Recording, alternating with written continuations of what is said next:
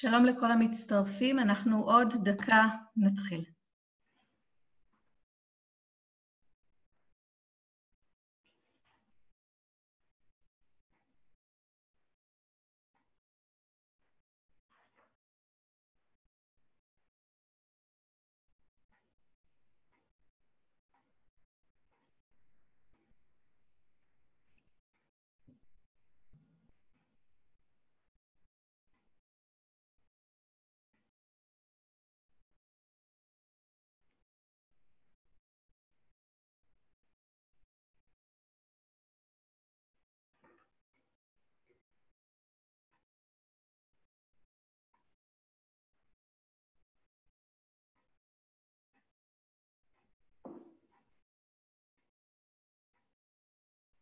בוקר טוב. שלי? בוקר טוב, יאלי. בוקר אור, מה שלומך? מצוין, תודה ותודה לכולם שהצטרפתם אלינו היום. אנחנו נתחיל. אה, אנחנו אה, אה, מצפים ללא מעט אנשים היום, עשינו פורמט של וובינר ולא מיטינג, ולכן אתם לא רואים אחד את השני, ויש לכם קצת פחות יכולת אה, לצ'וטט איתנו או ככה להגיב, אבל יש לכם Q&A למטה, ונשמח מאוד לקבל את השאלות שלכם, ויאלי תתייחס אליהם בהמשך, ומפה אני מעבירה את השרביט ליאלי. תודה לכם, ויאלי, תודה לך. בשמחה, תודה רבה לך, שלי.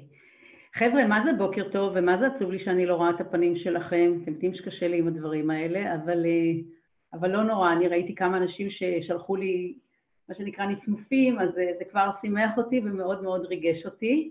אז uh, אני דבר ראשון רוצה להגיד הרבה תודה. אתם יודעים שמי שקצת מכיר אותי יודע שיש לי רגישות מאוד מאוד גדולה לזמן, ובעיניי זה שאנשים נותנים לי כרגע, לי, לקבוצה שלנו כרגע, את המשאב הכי יקר שיש לכולנו, שנכון לכרגע לפחות אי אפשר, אין לנו יכולת, מה שנקרא, אה, לשכפל אותו, אפילו שאנחנו עובדים על הארכת החיים בצורה דרמטית, כרגע משקיעים הרבה אנרגיה, אתם נותנים לי את המתנה הכי יקרה, וחשוב לי שתדעו שאני מודעת לזה, אני מוקירה את זה, ואני מתייחסת לזה בכבוד העמוק ביותר שאני יכולה להתייחס בו לכל דבר שהוא. חשוב לי שתדעו את זה, באמת, זה מכל הלב. אה, אני רוצה עכשיו להגיד באמת, נורא שמחה לראות אתכם, אה, שמחה שאנחנו ביחד. אני רוצה עוד דבר אחד, שני דברים קטנים לפני שאנחנו צוללים. הדבר הראשון הוא זה. אה, אני חשוב לי שתבינו למה אני עושה את זה, כי, כי בעצם זה מנחה אותי בכל מה שאני עושה.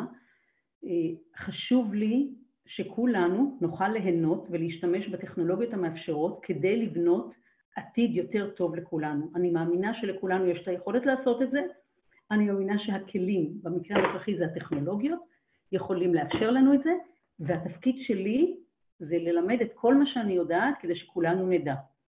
זאת אומרת, יש את האמירה של אמרסון, אתם יודעים, אם יש לך אה, אה, נר אחד, מה אתה עושה? אתה בעצם מדליק את האח שלך, או שאתה מדליק עוד נר ועוד נר ועוד נר, והמטרה שלי שכל נר שאני מדליקה, אני אדליק נרות אחרים, בגלל זה גם המצגת תועבר אליכם במלואה, חשוב לי שתוכלו להשתמש בה ותוכלו להעביר אותה, אנא אני מבקשת, לכל מי שזה יכול לעזור לו, תעבירו. הדבר האחרון שאני רוצה להגיד זה שלאור מה שנקרא ימי הקורונה העליזים, אני החלטתי שאני רוצה ללמד באופן סיסטמטי, ומה שאני כרגע מבקשת, בואו נראה אם אני מצליחה, אוקיי. כמו שאתם מבינים, עולם חדש אמיץ נולד, זאת התפיסה שלי. אני אה, מצרפת כאן גם את המייל שלי וגם את הסלולרי. בשני טעמים, אם יש למישהו, אני, חשוב לי מאוד להיות זמינה תמיד, אנשים גם יודעים שאני עונה בדרך כלל מאוד מאוד מהר, בטווח של 24 שעות גג אני עונה לכל שאלה וכל פנייה. אם אתם רוצים להיות בקבוצת הלמידה, שאני בונה, פשוט תשלחו לי מייל, אה, זה כמובן, אה, זה לא למטרות רווח, זה פשוט למטרות, יותר נכון, זה לא נכון, זה למטרות רווח, אבל לא רווח כלכלי. זה כדי, הרווח שלי בהקשר הזה הוא רווח, אה, מה שנקרא, מוסרי ורגשי. אז תשלחו לי מייל ואני כמובן אדע לידע אתכם, אז יש לכם כאן את המייל שלי, יש את הסלולרי שלי, אני זמינה תמיד. זהו, עכשיו תהיינה שאלות ותשובות, לא בטוח שאני אספיק הכל היום לענות, מקסימום אנחנו נקבע פגישה נוספת שבה אני אענה על כל השאלות והשאלות ואני אוכל לתת תשובות. אז אני צוללת כרגע פנימה. מי ששמע את ההרצאות האחרונות, אז uh, bear with me, מה שנקרא, כי חמש-עשר דקות אני רק רוצה לתת רגע את ה-overview, מאוד מאוד בקצרה, ואת הארגז כלים הבסיסי שאנחנו צריכים לתת, ואז אנחנו צוללים לתוך עולם החדשנות. אוקיי, אז אני רוצה להזכיר איפה אנחנו, אנחנו רגע אחרי המפץ הגדול של הדור שלנו, העולם הישן מתחיל להיעלם, העולם החדש עוד לא נולד. אנחנו ברגע שבין לבין, זה רגע שהוא לא פשוט, הוא רגע מאוד מורכב רגשית לכולנו, וכולנו למעשה נדרשים לעשות מה שידוע בספרות המקצועית fate. אבל אני רוצה להרגיע אותנו, אני מקווה שזה ירגיע אותנו, שכל מה שקורה כרגע היה קורה בכל מקרה, הוא פשוט היה קורה לאורך עשור. זאת אומרת, ההערכה היא שבעשור הקרוב כמות השינויים שנחווה תהיה דומה למה שנחווה, מה שחווינו במאה השנים האחרונות, ומה שנחווה במאה השנים הקרובות זה מה, שאנחנו, מה שחווינו ב-22 אלף השנה האחרונות. אז מה שקורה כרגע, ההבדל הוא שפתאום הכל נעצר והכל קורה בבת אחת, ואנחנו קוראים לזה האצה של האצה, אנחנו קוראים לזה templosion. המונח המקצועי הוא templosion, שבא ואומר שהזמן בעצם מתקפל בתוך עצמו למעשה, ויש האצה מאוד מאוד גדולה, ובגלל זה כולנו, רגע, קשה לנו אפילו להכיל את זה עד כדי כך. אז זאת הסיבה וזה העניין שאנחנו כרגע. אבל מה אנחנו צריכים לדעת? אנחנו צריכים לדעת, חבר'ה, העולם הישן לא יחזור. מי שחושב שחוזרים למה שהיה, לא מבין מה קורה כאן למעשה. אה, אני ארחיב על זה, דרך אגב, אני רק רוצה לציין, ביום חמישי אני כבר שבועיים וחצי עובדת לא מעט שעות לבנות את התמה, איך העולם ייראה אחר כך, זה ביום חמישי בשש בערב, אתם מוזמנים כמובן. גמרתי לדבר על כל מיני דברים אחרים, אני רוצה להתרכז. אנחנו צריכים לעשות ליפופייט, ונורא חשוב להבין, כל משבר זה הזדמנות. אני כרגע לא אתן כרגע את כל הסקירה של מי, אבל אם זה מעניין, אה, אה, שרלין לי נתנה על זה הרצאה מאוד מעניינת, עם גרפים נורא נורא מעניינים, על בעצם מי החברות הגדולות שנולדו מכל משבר. אז שימו לב, ובעצם כל דבר הוא הזדמנות, אפילו הדברים הכי קטנים, אפילו הזום הזה שבעיניי הוא כלי כל כך לא יעיל, אם עכשיו היה לי זמן הייתי יושבת ומתכננת זום חליפי. ויש לנו יכולת לרתום את כל היכולות שלנו כדי לפתור את זה. הדבר אה, הבא, חבר'ה, לא להיכנס למצב הישרדותי. זה הטעות הכי הכי גדולה, כי בלאו הכי זה לא יעזור, כי אנחנו לא יכולים לשמור על מה שהיה. הדבר הבא, אני רוצה להזכיר לנו את שמעון סיניק המופלא, שבא ומסגיר לנו שאנחנו כאן ב-infinite game. אנחנו כאן לטווח ארוך, אנחנו לא באנו לכאן לשנה-שנתיים, אנחנו באנו לכאן לחיים ארוכים, אנחנו הילדים שלנו, הנכדים שלנו, ולכן אנחנו במשחק האינסופי, ולכן המטרות והיעדים שלנו צריכים להיגזר בהתאם. ואנחנו צריכים לחלום בגדול ולא בקטן, כי אין כבר, כל הזמן אנחנו השקענו את כל האנרגיה בלשמור על הסטטוס קוו שהיה לנו, כי הוא היה טוב מספיק, כי אהבנו אותו, עבור חלקנו אפילו היה נפלא, אנחנו לא חוזרים. אז אנחנו יכולים לשחרר את כל האנרגיה הזאת ואת כל הדברים הגדולים שלא העזנו לעשות, ברמה האישית ולא רק, זה הזמן לעשות. והדבר הבא, תראו, החודשים הקרובים לא יהיו, לא יהיו קלים לאף אחד. לא, גם מי שיש לו כסף בצד וגם הארגונים שכרגע הם רווחים מאוד, כל הסיטואציה היא, היא, היא לא פשוטה. יש אנשים שקוראים לזה ווקה, לא ניכנס לכל, זה פחות חשוב כרגע, אבל החוכמה היא לאמץ את המבט לרחוק, לא להסתכל על החודשיים הקרובים, חבר'ה, להסתכל שנתיים, שלוש, חמש, וכמו שאני בעצם מאמינה, עשר עד עשרים שנה קדימה, כי משם אנחנו, לשם אנחנו צריכים לכוון. אז מה אנחנו עושים? אנחנו לא מחכים, אנחנו לא ממתינים, אנחנו לא יושבים לבד בחדר, אנחנו יוצאים ומתחילים כרגע לעבוד. התובנה המרכזית לתקופה הנוכחית היא שפעולה מובילה לתובנה ולא ההפך. זה תמיד נכון, במקרה הנוכחי על אחת כמה וכמה. מה הצידה? mindset. חבר'ה, בכל אחד מאיתנו יש מנהל ויש מנהיג. בכל אחד מאיתנו, כל מי שאחראי, לא משנה, אפילו על צוות של שני אנשים, או אפילו על ניהול משק בית, זה לא כך משנה. ואנחנו צריכים כרגע להגיד למנהל, שב בצד. עכשיו אנחנו צריכים את המנהיגים שבתוכנו. זה, אלה האנשים שצריכים, זה, זה, זה הישות הפנימית שצריכה להוביל אותנו, וכמובן את האומן שבתוכנו, ובכולנו יש אומנים, וכמובן את המדען, החקרן וכן הלאה שרוצה ללמוד. ואם מישהו חושב שאין בו את זה, את שלושת הדברים האלה, שיסתכל על הילדים שלו. והוא יראה בכולם, בכל אחד מהילדים, לפחות אחת מהתכונות הללו. ואם הילדים שלנו, עם ההמשך שלנו, בהרבה מאוד מובנים, לפחות גנטית, ומעבר לכך, אין ספק שאנחנו יכולים לראות את זה. זה מה שאנחנו צריכים להביא מתוכנו החוצה, אוקיי? זה, זה כולנו יש את זה, זה לא תמיד בשימוש. הדבר הבא זה היזמיות שלנו, האופטימיות, המעשיות והשיתופיות. אני רוצה להגיד משהו, זה שבעצם נועם חומסקי, שבטעות חשבתי שהוא נפטר בושה וחרפה, נתן ציטטה נפלאה שאומרת שאופטימיות זאת אסטרטגיה. זה לא רגש, זה לא השקפה, זה ממש אסטרטגיה, הוא אומר, כי אם אתה לא מאמין שהעתיד הולך להיות יותר טוב, אתה פשוט לא תעשה שום דבר כדי שהוא יגיע. אז בבקשה. אוקיי, מתי? עכשיו, אני רוצה עכשיו לדבר מי צריך לעבוד איתנו על הדבר הזה. לא כל הארגון, ואין כאן שיקולים בשום פנים ואופן פוליטיים או של מערכות יחסים, או שיקול, מכל, כל השיקולים האלה כרגע הם לא ענייניים. יש קבוצה מאוד קטנה של אנשים בכל ארגון, הם בדרך כלל בין 2-3 אחוזים, בארגונים מסוימים זה אולי 5 אחוזים, אבל זה הכל. אבל אני רוצה להסביר את המבחן לאיך אתם מזהים אותם. אתם מכניסים את האנשים האלה לחדר ואתם אומרים להם, כל מה שאתם חושבים על העולם לא רלוונטי, לא נכון. אם האנשים האלה, זה לא כדי לדבר עליי, אבל אם לאנשים האלה יש את החיוך המטופש, המאושר הילדותי, כן? ואולי המתחכם, אוקיי? שאתם רואים על הפנים שלהם, אלה האנשים שלכם. הם ארכיטקטים של כאוס. הם מה שנקרא פורחים בסיטואציות של אמביוולנטיות.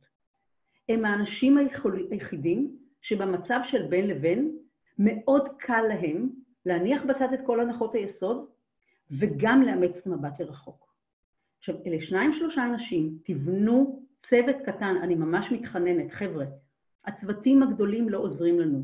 אפילו, גוג, אה, אמזון עובדים לפי המודל של, אתם יודעים, של הפיצה. אה, יש שבע סלייסס, אתה יכול להביא אה, עד שבעה אנשים. אני חושבת שלסיטואציה הנוכחית, בגלל כרגע האפידמיה דווקא של הפחד, לא של הקורונה, קחו את הצוות הכי קטן, שניים, שלושה אנשים, ארבעה אנשים, אבל שאתם יכולים, שכבר יכול להיווצר אמון מאוד עמוק, אוקיי? וזה גם אנשים שיכולים להחזיק אוטונומיה, ומבינים שעם אחריות מאוד מאוד גדולה, זאת אומרת, סליחה, עם אוטונומיה מאוד מאוד גדולה באה אחריות מאוד מאוד גדולה. הדבר הבא, אנחנו נבנה ארגז חול, אני עוד מעט ארחיב על זה. ארגז חול זה המקום שבו מאפשר לנו למעשה לעשות את כל הניסויים, זה העיקרון, בלי לפגוע בליבה של הארגון, בלי לפגוע, כי בטח עכשיו שהארגונים רק מתחילים לחזור לאיזושהי נורמה, לא משנה כרגע.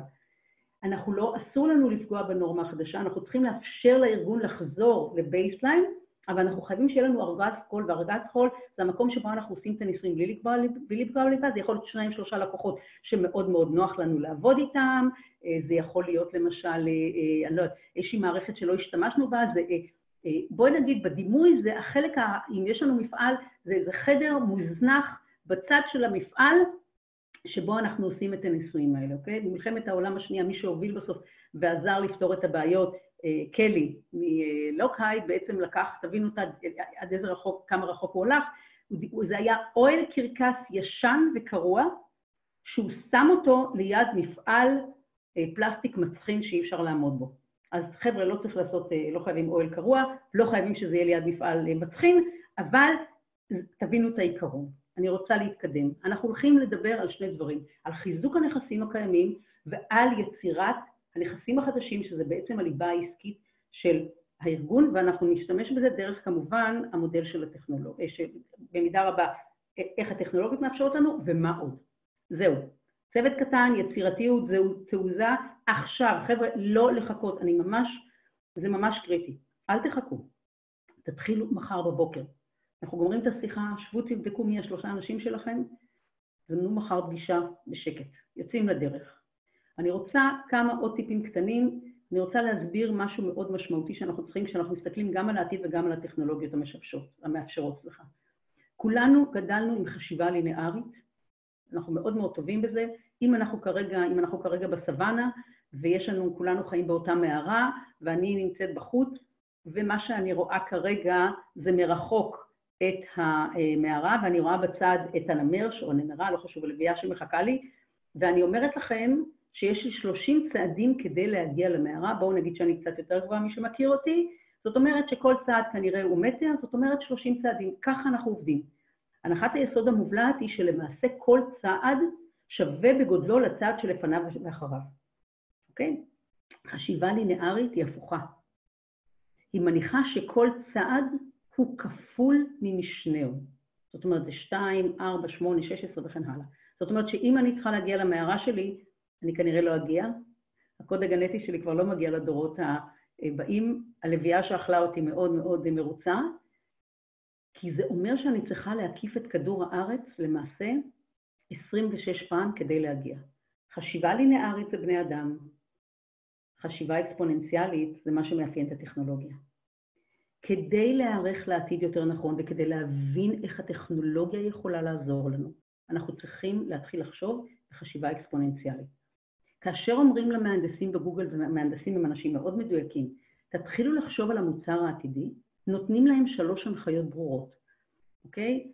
האנשים, הכוח אדם עולה לכם אפס, החומרה עולה לכם אפס, התוכנה עולה לכם אפס, והעברת הנתונים עולה לכם אפס. ותעבדו דרך הנחות האלה. למה? כי הנהלת גוגל יודעת שאם אלה, אם המהנדסים יעבדו לפי הנחות העבודה האלה, בעוד חמש שנים המוצר הזה כנראה יגיע לברייק איבן, ועוד עשור הוא יהיה מאוד מאוד רווחי. חשיבה ליניארית, חשיבה אקספוננציאלית, אני עובדת הרבה מאוד עם הצבא, הייתה לי את הזכות הגדולה לדבר על זה הרבה מאוד גם עם הרמטכ"ל והמטכ"ל וגם עם, בבה"ד 1 עשינו, אנחנו אפילו עושים סדנאות על הדבר הזה, נורא נורא חשוב. כלי, כל דבר שאתם חושבים עליו בכלל בחיים.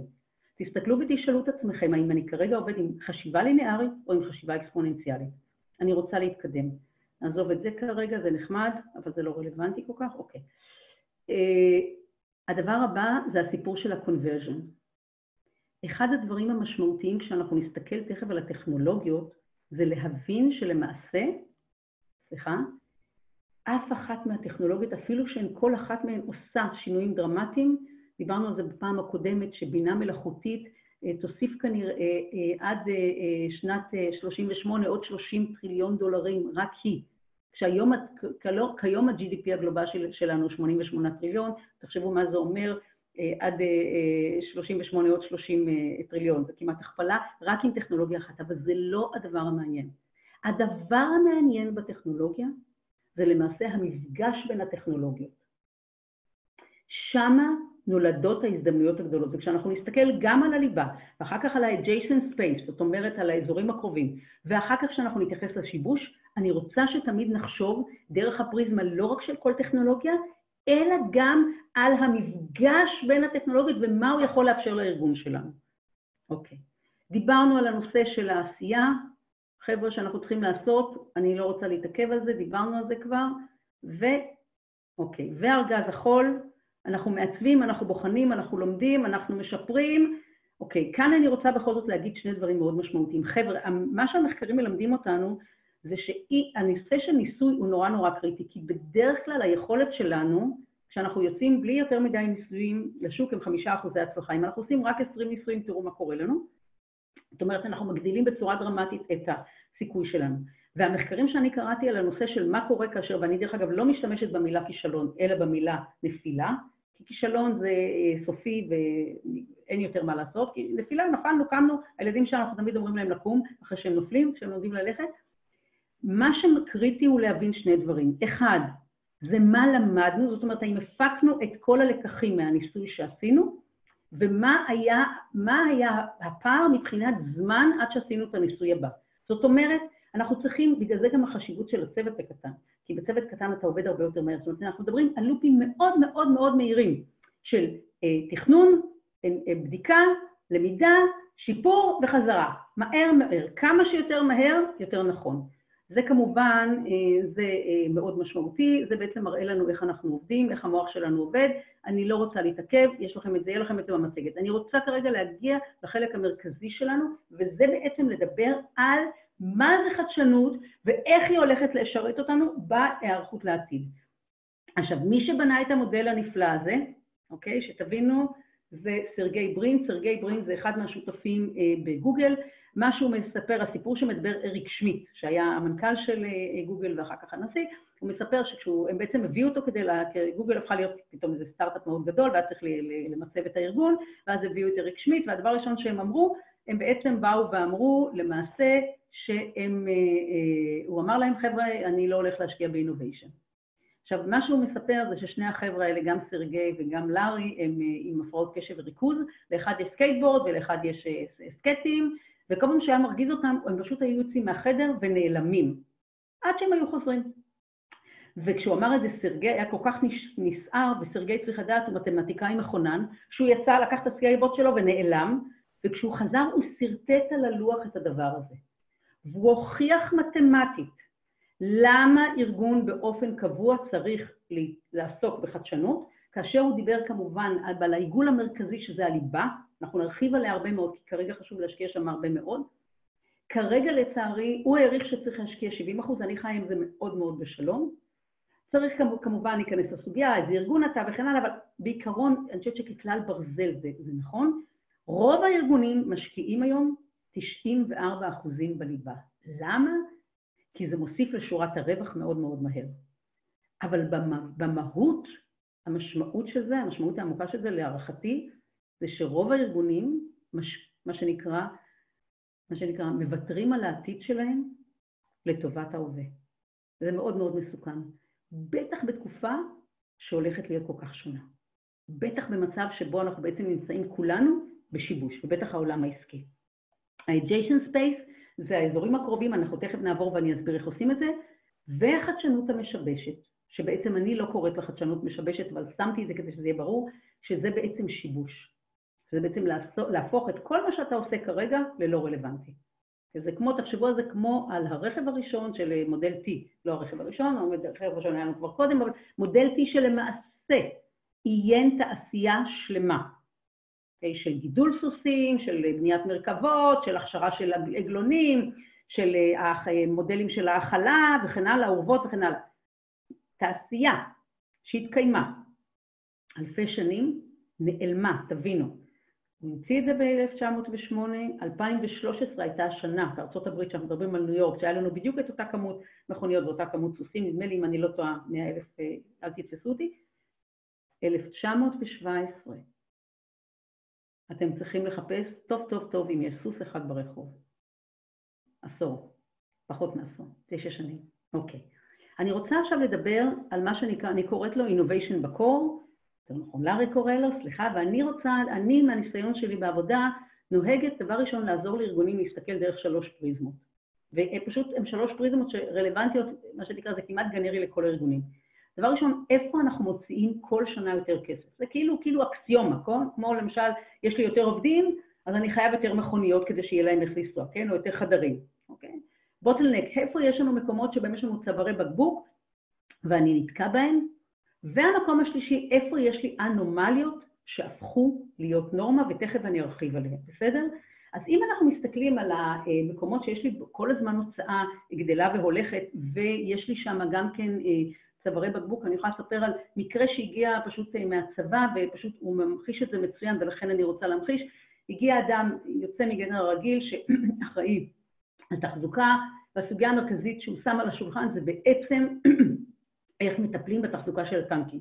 ברור לנו שזה נושא מאוד מורכב, כי טנקים זה כלי מרכזי בש... בשמירה על הגבולות שלנו וכן הלאה, עלויות מטורפות, שינוע מטורף וכן הלאה. אמרתי, תראה, אני לא מבינה שום דבר, באמת שאני לא מבינה שום דבר בטנקים. אני גם די מפחדת מטנקים, בכלל מכלי נשק, אפילו שאני מעריצה את הצבא שלנו ואוהבת אותו מאוד. אמרתי לו, אבל אני מכירה לא רע את עולם הבריאות. בעולם הבריאות אנחנו כבר יודעים, יש חוק מה שנקרא זה לא חוק, יש כלל אצבע ש-70% מהאנשים שמגיעים לבית חולים היום לא צריכים להגיע. הם יכולים לקבל את הטיפול בהרבה מאוד דרכים, אני לא ארחיב על זה כרגע, בלי להגיע לבית החולים. שאלתי אותו, האם ייתכן שהכלל הזה רלוונטי גם לטנקים? הוא אמר לי כן. ואז אמרתי לו, מצוין, אז אנחנו בעצם משנים את הגדרת הבעיה, ואני כאן נותנת כבר, אני מדברת כבר על איך אנחנו נסתכל על זה, זאת אומרת, יהיה לנו שני כלים להתבונן בנושא של הליבה. הכלים המרכזיים יהיו טכניקות חשיבה שונות, ואחר כך יש לנו אה, מה שנקרא חשיבה משבשת, והדבר השני זה יהיה הטכנולוגיות. ואמרתי לו, אוקיי, אם זה הסיפור, השאלה שלנו, אנחנו שינינו את השאלה, זה לא, לא איך אנחנו עושים את התהליך יותר אפקטיבי, יותר זול, יותר מהר וכן הלאה, אלא איך אנחנו מזהים מראש מי ה-30 אחוזים שצריכים להגיע ומי ה-70 שלא, ואיך אנחנו נותנים את הטיפול ל-70 אחוזים במקום אחר. אז אנחנו שינינו את השאלה. הדבר השני שאמרנו, אוקיי, בואו נלך עם זה הלאה, בואו נחשוב מה אנחנו עושים עם 30 אחוזים מהטנקים האלה. ושאלתי אותו, תגיד לי, ה-30 אחוזים האלה שמגיעים בסופו של דבר, באיזה רמה הם? מה רמה, הוא אמר, תשמעי, חלקם במצב נוראי. אמרתי, אוקיי. אמרתי, תראה, אנשים חיים בתוך הטנק. יכול להיות שאנחנו נשתמש בהם כאיזשהו סנסור אנושי. לא, לא אכנס לכל הפרטים, ואז אבל בנינו מודל של מה שנקרא pre-maintenance, שמאפשר לנו לזהות חודשים מראש מתי עלולה להיות בעיה עם הטנקים. עכשיו, זה דוגמה. עכשיו, חבר'ה, בכל ארגון, בכל ארגון, יש לנו את זה. אז מה שמשמעותי, אם אנחנו באים לארגון ואנחנו מטפלים בדברים הללו, שלושה דברים קורים. דבר ראשון, אנחנו כרגע, שזה מאוד משמעותי, אנחנו כן עוזרים לחסוך בהוצאות ובמשאבים בכלל, שזה מאוד קריטי לתקופה הקרובה, בטח לחודשים הקרובים, בטח עד סוף השנה הנוכחית. אין בכלל ספק. הדבר הבא זה שאנחנו מאמנים שריר שלא היה לארגון של בהתבוננות אחרת ובאימוץ פתרונות. והתוצר של זה בדרך כלל, שעד עכשיו כשאנחנו באים לארגון ואנחנו אומרים אנחנו רוצים לשנות, שינוי, אני אומרת לכם, כולנו מאוד מאוד אוהבים אצל מישהו אחר. אפילו כשהתחילה הקורונה וזה היה בסין, לא הטרדנו כל כך, אוקיי, זה שם, זה לא שלנו, עד שזה הגיע הנה, אוקיי? זו דוגמה פנטסטית לכמה אנחנו לא אוהבים שינוי, כי כרגע מה שאנחנו חוגגים, חווים זה שינוי, מה שנקרא בכל היבט. הדבר האחרון בליבה שאני רוצה לדבר, זאת אומרת שצריך להסתכל, עכשיו אני מדברת על האזורים בליבה שצריך להסתכל, תכף נראה מה אנחנו יכולים לעשות, זה איפה יש לנו אנומליות שהפכו להיות נורמה. וכאן אה, אני אתן את הדוגמה אה, שהיא פשוט נוחה מאוד, כי כולנו חווים אותה, לא בשנה כמו עכשיו כמובן, אבל בעצם מה קורה לנו במשק הישראלי. כשאנחנו משווים את הביצועים שלנו לעומת מדינות אחרות ב-OECD, הטענה היא שהמשק הישראלי הוא מה שנקרא רמת הפרודוקטיביות, רמת הפריון אה, לעובד, לעובד היא מאוד מאוד נמוכה, אפשר לדבר על האוכלוסיות החלשות, על החרדים, לא משנה. אני רוצה לשים משהו אחר על גבי השולחן. ואני רוצה להזכיר לכולנו שבדרך כלל כשמתחיל חודש יוני ואנחנו צריכים ללכת למסיבות סוף השנה, שמחה גדולה, ילדים גדלים, אה, יפה מאוד, אבל אנחנו יודעים מה מחכה לנו. מחכה לנו מה שנקרא יולי שעוד יהיה סביר, כי עוד יהיה גנים ויהיה קייטנות, איכשהו בהתחלת אוגוסט, איכשהו נשרוד, וכל מי שיש לו ילדים קטנים, לדבר איתו ביום האחרון של, או ביום לפני האחרון של חופש הגדול, מה שנקרא, כולנו מטפסים על הקירות. עכשיו, זה היבט אחד, אבל אם אנחנו מסתכלים על זה דרך הפריזמה הכלכלית, אני חוזרת של הפריון למשק. מה קורה לנו בעצם? יש לנו ארגון שאמור על פניו, וחס וחלילה שלא יתפרש שחס וחלילה זה ביקורת על המורים, נהפוך הוא, אני חושבת שהם עושים מלאכת קודש, בלי שום קשר לזה שמערכת החינוך צריכה לעבור שינוי דרמטי, הם עושים עבודת קודש בכלים שנותנים להם. מה שקורה כרגע, זה שבעצם ארגון המורים מחזיק בין 60 ל-90 אחוזים ימי עבודה מהמשק הישראלי, לפחות אם לא 120. זאת אומרת, רק דרך הפריזמה הכלכלית, לא לדבר כבר רגע על הפריזמה המוסרית שאנחנו צריכים לטפל במורים, אין בכלל ספק, ולתת להם יכולת השתכרות הרבה יותר נאותה. אין ספק שאם היינו לוקחים רק בהיבט הכלכלי ואת המשקל, כמה יעלה לנו לטפל באוכלוסיות האלה, באוכלוסייה של המורים, לעומת כמה המשק עתיד להרוויח, אין בכלל מה להשוות.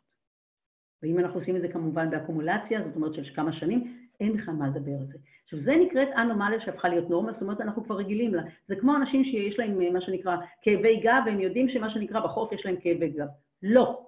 עכשיו, בדרך כלל כדי לזהות את האנומליות שהפכו להיות נורמה, מה שאנחנו צריכים זה או אנשים מחוץ לארגון, או אנשים שבאו לארגון עכשיו, בחודש האחרון, ורק עכשיו נכנסו, שיש להם את המבט הרענן. ואלה האנשים שיכולים להסתכל על הארגון שלנו ולהגיד, הופ, למה אתם עושים את זה ככה? עכשיו, אני יכולה בלי סוף סיפורים על אנומליות שהפכו להיות נורמה, אבל אני ממש ממש לא רוצה כרגע לדבר על זה. מה שחשוב לי רק להסביר את העיקרון. אז אם אתם שוכחים, תמיד תחזרו לדוגמה של מה שנקרא ימי החופש, השבוע, ימי העבודה השבועיים שלנו, של כולנו. ושוב, חס וחלילה, שום מילה רעה למורים, נהפוך הוא, צריך לטפל בהם. אוקיי. עכשיו, אני רוצה, דיברנו על הדבר הזה, עכשיו, מה שחשוב כאן להבין שזה בעצם כמעט בכל מקום. זאת אומרת, אחד הדברים שאני אוהבת לעשות, לימד אותי את המורה הזה, נדמה לי טים רולינס, אם אני לא טועה, קולינס, הוא בעצם, הוא מומחה לשרשרת אספקה, תסלחו לי אם אני טועה בשם, הוא בעצם בא ואומר, בוא תפרוס את כל שרשרת הערך שלך. הוא אומר, יש הרבה מאוד כסף והרבה מאוד הזדמנויות שם. זאת אומרת, כל השרשרת, למעשה זה זמן נפלא לשבת ולהסתכל על הכל.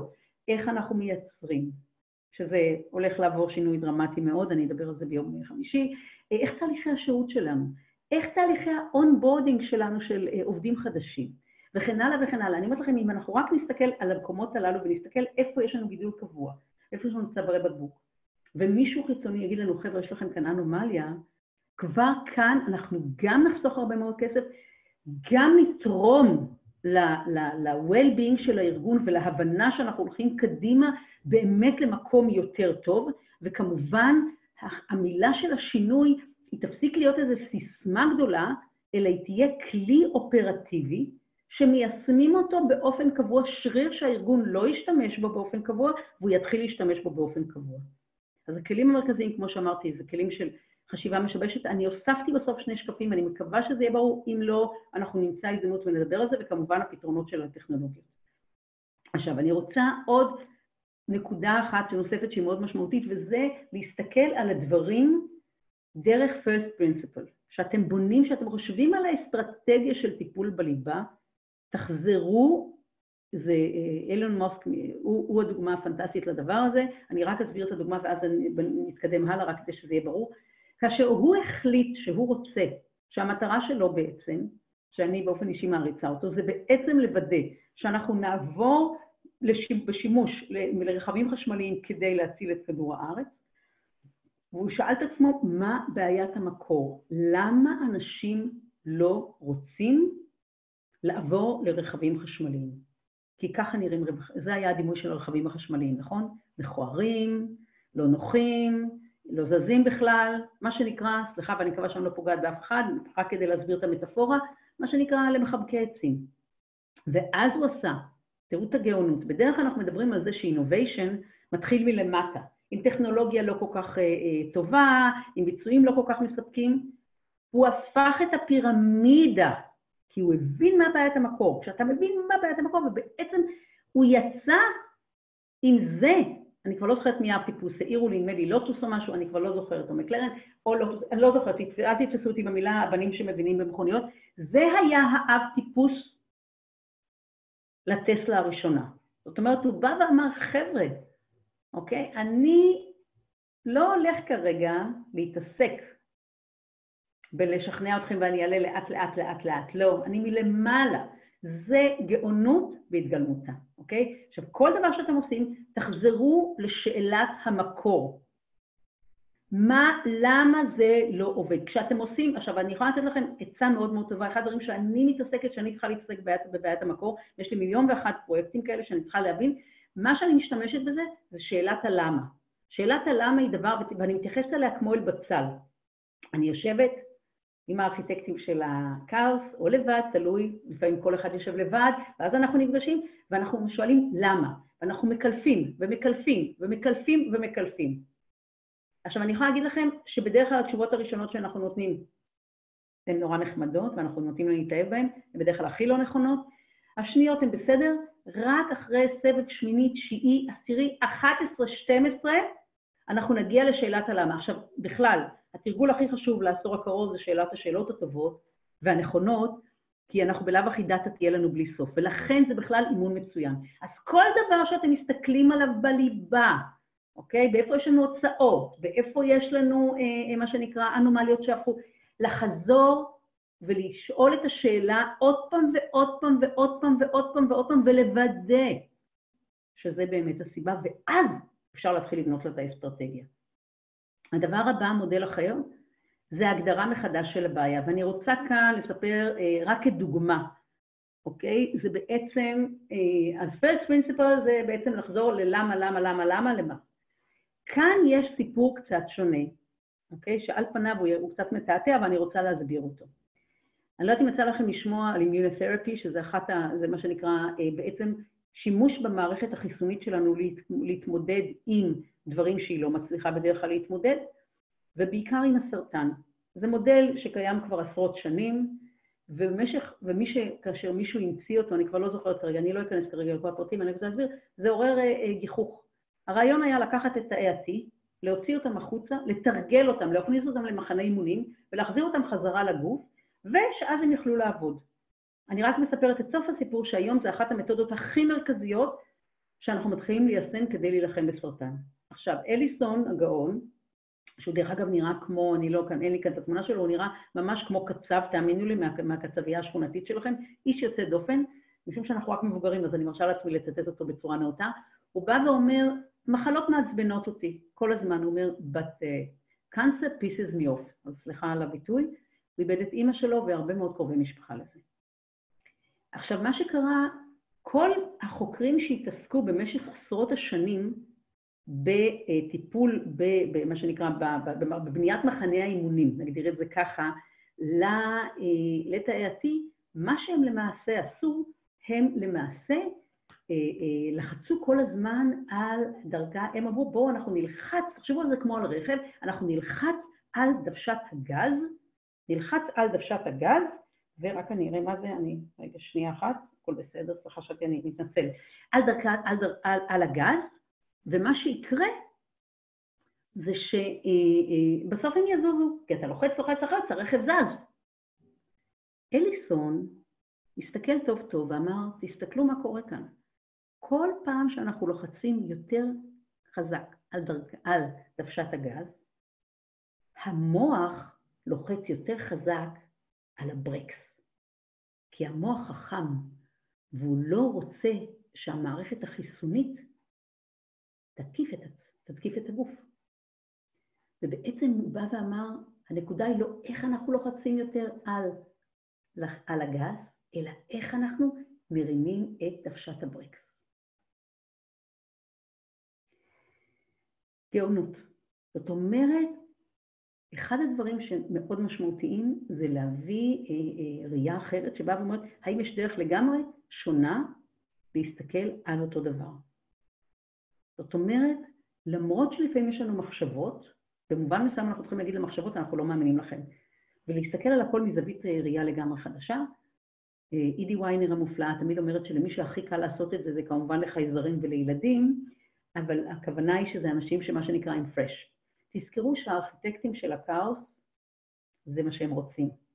הם רוצים להטיל ספק לא רק בהנחות היסוד של שהארגון או, או הקטגוריה או החברה עובדת לפיהם, או כל עולם התוכן, אלא גם בהנחות היסוד של עצמה. זאת אומרת, נלווית לזה חקרנות וצניעות אדירה, והנכונות להגיד, הראשונים, איזה טיפשים אנחנו, וואלה, איך לא הסתכלנו על זה. ורצון אינסופי ללמוד. אני רוצה להתקדם. אלה הטכנולוגיות. אני לא אסביר כרגע לעומק על כל הטכנולוגיות. אנחנו נתנו הרצאה בנושא, לא מלאה, רק חלקית לצערי, אבל אני רוצה להסביר שיש לנו את ההקלטה של, ה, של ה, אם מישהו רוצה, תרשמו, אנחנו נשלח, זו הרצאה שנתתי לפני שבוע. מה שחשוב להבין זה שיש לנו כרגע 15 טכנולוגיות, שכל אחת מהן מה שנקרא, מגיעה כרגע לבשלות. מה המשמעות כשאנחנו אומרים שטכנולוגיה מגיעה לבשלות? המשמעות היא שהיא הופכת להיות אה, זמינה יחסית, נוחה לשימוש, אפשר לעשות לה כבר מה שנקרא deployment, והדבר השלישי שהיא הופכת להיות מאוד זולה. הבוקר שמעתי את נעם רמז, אחד המורים שלי שהוא מומחה לאנרגיה, והוא דיבר על זה שהיום אנחנו כבר מסוגלים לייצר אנרגיה סולארית במשהו כמו חמישה סנט. כאשר אנרגיה מגיעה לכזה מחיר, היא חובקת עולם. נגמר הסיפור. אנחנו בעשור הקרוב נעבור מעולם שמה אה, שנקרא אנרגיה נמצאת בחסר, לעולם שיש בו שפע אינסופי, ואני רוצה להזכיר לנו שחלק גדול מהמלחמות בעולם הם בגלל הנושא של אנרגיה. זה רק דוגמה ככה. עכשיו, מה שאני רוצה להזכיר לנו, שמה שמעניין זה לשבת ולהסתכל על ה-conversion בין הטכנולוגיות. מה קורה כאשר אני לוקחת אה, אנרגיה עם בינה מלאכותית. מה קורה כשאני לוקחת ננו-טכנולוגי עם הדפסת תלת מימד וכן הלאה, אוקיי? אז כל הסיפור של הטכנולוגיות, יש הרצאה שלמה על זה, אנחנו נשמח לשלוח לכם אותה. אני רוצה להגיד עוד משהו מאוד משמעותי שלימד אותי עוד פעם אחד המורים שלי, שנקרא הוד ליטמן. הוד ליטמן הוא ישראלי לשעבר שחי כרגע, או ישראלי, סליחה, שחי כרגע בארצות הברית, והפשן שלו זה רובוטים. ומה שהוא מדבר עליו, הוא מדבר על זה שכאשר טכנולוגיה מגיעה ומשפיעה על אלמנט אחד בתוך העשייה שלכם, על העלות, סליחה, לא הייתי ברורה, על העלות, וזה מוריד את העלות של אותו קומפוננט לאפס או לכמעט מאפס, או כמעט לאפס, תצפו שמה שיקרה זה שכל אותה הצעת ערך או מוצר או שירות הוא רגע לפני disruption ולפני מה שנקרא דמוקרטיזציה מאוד גדולה שלו. אוקיי? עיקרון הוא מה שנקרא the zero principle, אוקיי? זאת אומרת, ברגע שטכנולוגיה מצליחה לשבש למעשה, להגיע למצב, להגיע, לייצר שיבוש כלכלי, זה עניין של זמן שכל אותה תעשייה תעבור שיבוש מאוד מאוד גדול. וזה אומר בעצם מהפכה של אותה טכנולוגיה, אוקיי? אני רק אדבר על דוגמה אחת קטנה, זה חלק מההרצאה הגדולה בנושא התחבורה, שבניתי גם בעקבות חומרים מדהימים שלו, אבל הוא בעצם בא ואומר, בואו תבינו, ברגע שאנחנו, הוא אומר, ואין ספק דרך אגב שיגיעו רכבים אוטונומיים, הוא אומר, בואו נראה איך זה מסביר, איך זה משפיע בכלל על אה, דברים לגמרי אחרים, כמו מודל, מודל הביטוח. איך זה ישפיע בכלל, איך זה הולך להיראות, אוקיי? זאת אומרת, זה מה שנקרא אה, השפעות אה, מדרגה שנייה ושלישית של אה, אה, שינוי טכנולוגי. אז תחפשו, כשאתם מסתכלים, אני רוצה רגע לחבר את זה לעשייה שלנו כאן ועכשיו. כשאנחנו הולכים להסתכל על הליבה, ואנחנו הולכים להסתכל למשל על הנושא של, אה, של אחת מהבעיות שלנו בליבה, לצורך העניין, מקומות שבהם אנחנו מעלים כל הזמן, יש לנו כל הזמן עלויות שבצמיחה, לצערנו, אנחנו צריכים להסתכל איזה טכנולוגיות יכולות לשבש איזשהו אלמנט שקשור לאותה פעילות, ואז כנראה אנחנו נראה מה אנחנו יכולים לעשות עם אותה טכנולוגיה עכשיו. אני רוצה לחזור ולהדגיש, כל המטרה כרגע זה לתת כלים פרקטיים לעכשיו, אפילו לא למחר, להיום. אוקיי. הדבר הבא, אני מציעה להתחיל להסתכל בתוך הארגון. אני לא אכנס כרגע לכל הסיפור של עולם העבודה העתידי, יש לנו הרבה הרבה מה להגיד בנושא הזה, אבל מה שחשוב להגיד זה שכנראה נמשיך לעבוד לפחות באופן חלקי עם העובדים שלנו מרחוק, קריטי דווקא מה שנקרא ליצור קשר אינטנסיבי, אפילו לייצר תקשורת יתר עם העובדים הרחוקים, אפילו ברמה שזה הרבה מעבר למה שבדרך כלל, וצריך לזכור שהיו לנו הרבה הרבה מאוד טקסים קטנים. אה, אה, שרלין לי תמיד מדברת על השיחה ליד הווטר קולר, ליד אה, המים או ליד, בכיפת הקפה, שכרגע נעלמים, כי כרגע אנחנו גם עושים, אנחנו עושים זום, הוא נורא נורא מעשי, תתחילו לייצר כל מיני טקסים חדשים והרבה מאוד הפתעות, ומפגשים וירטואליים בתדירות מאוד מאוד גבוהה. עכשיו, בהמשך אנחנו נגיע למודל עבודה אג'ילי, לצוותים קטנים וכן הלאה, אבל אני רוצה לדבר על הדבר הכי משמעותי שאנחנו נצטרך להתחיל כרגע להתחיל לחשוב עליו, וזה, אנחנו צריכים להתחיל להתכונן למעבר מבחינה של האנשים שלנו וחיזוק של ה skills שלהם.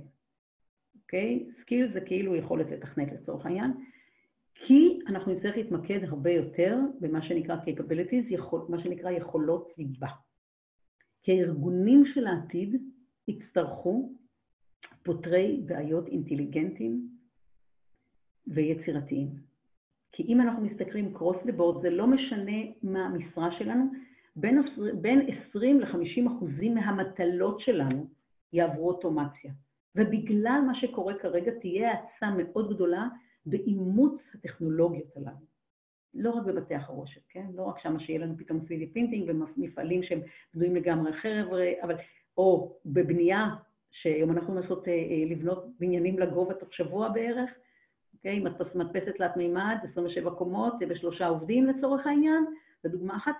אנחנו נראה את זה בכל מקום. ואנחנו צריכים לקחת את האנשים המצוינים שלנו, ובכל ארגון יש אנשים מצוינים, ואנחנו צריכים עכשיו לאפשר להם גם מצד אחד למצוא עבודה שהיא תהיה הרבה יותר משמעותית עבורם, אוקיי? אבל אני, אני מזכירה לכם, אני לא במצב רוח ההישרדותי, בכלל לא, אבל אנחנו גם יכולים להשתמש בתקופה הזאת כדי לעזור להם לבנות את ה-capabilities שלהם, שזה כמובן הסיפור של החקירה, היכולת לפתור בעיות, היכולת לזהות בעיות אה, אה, אה, סמויות, החשיבה הביקורתית וכן הלאה. אני לא ארחיב על זה כרגע, ויש סט שלם של יכולות שאנחנו צריכים, של, שאנחנו צריכים לאפשר להם ולבנות.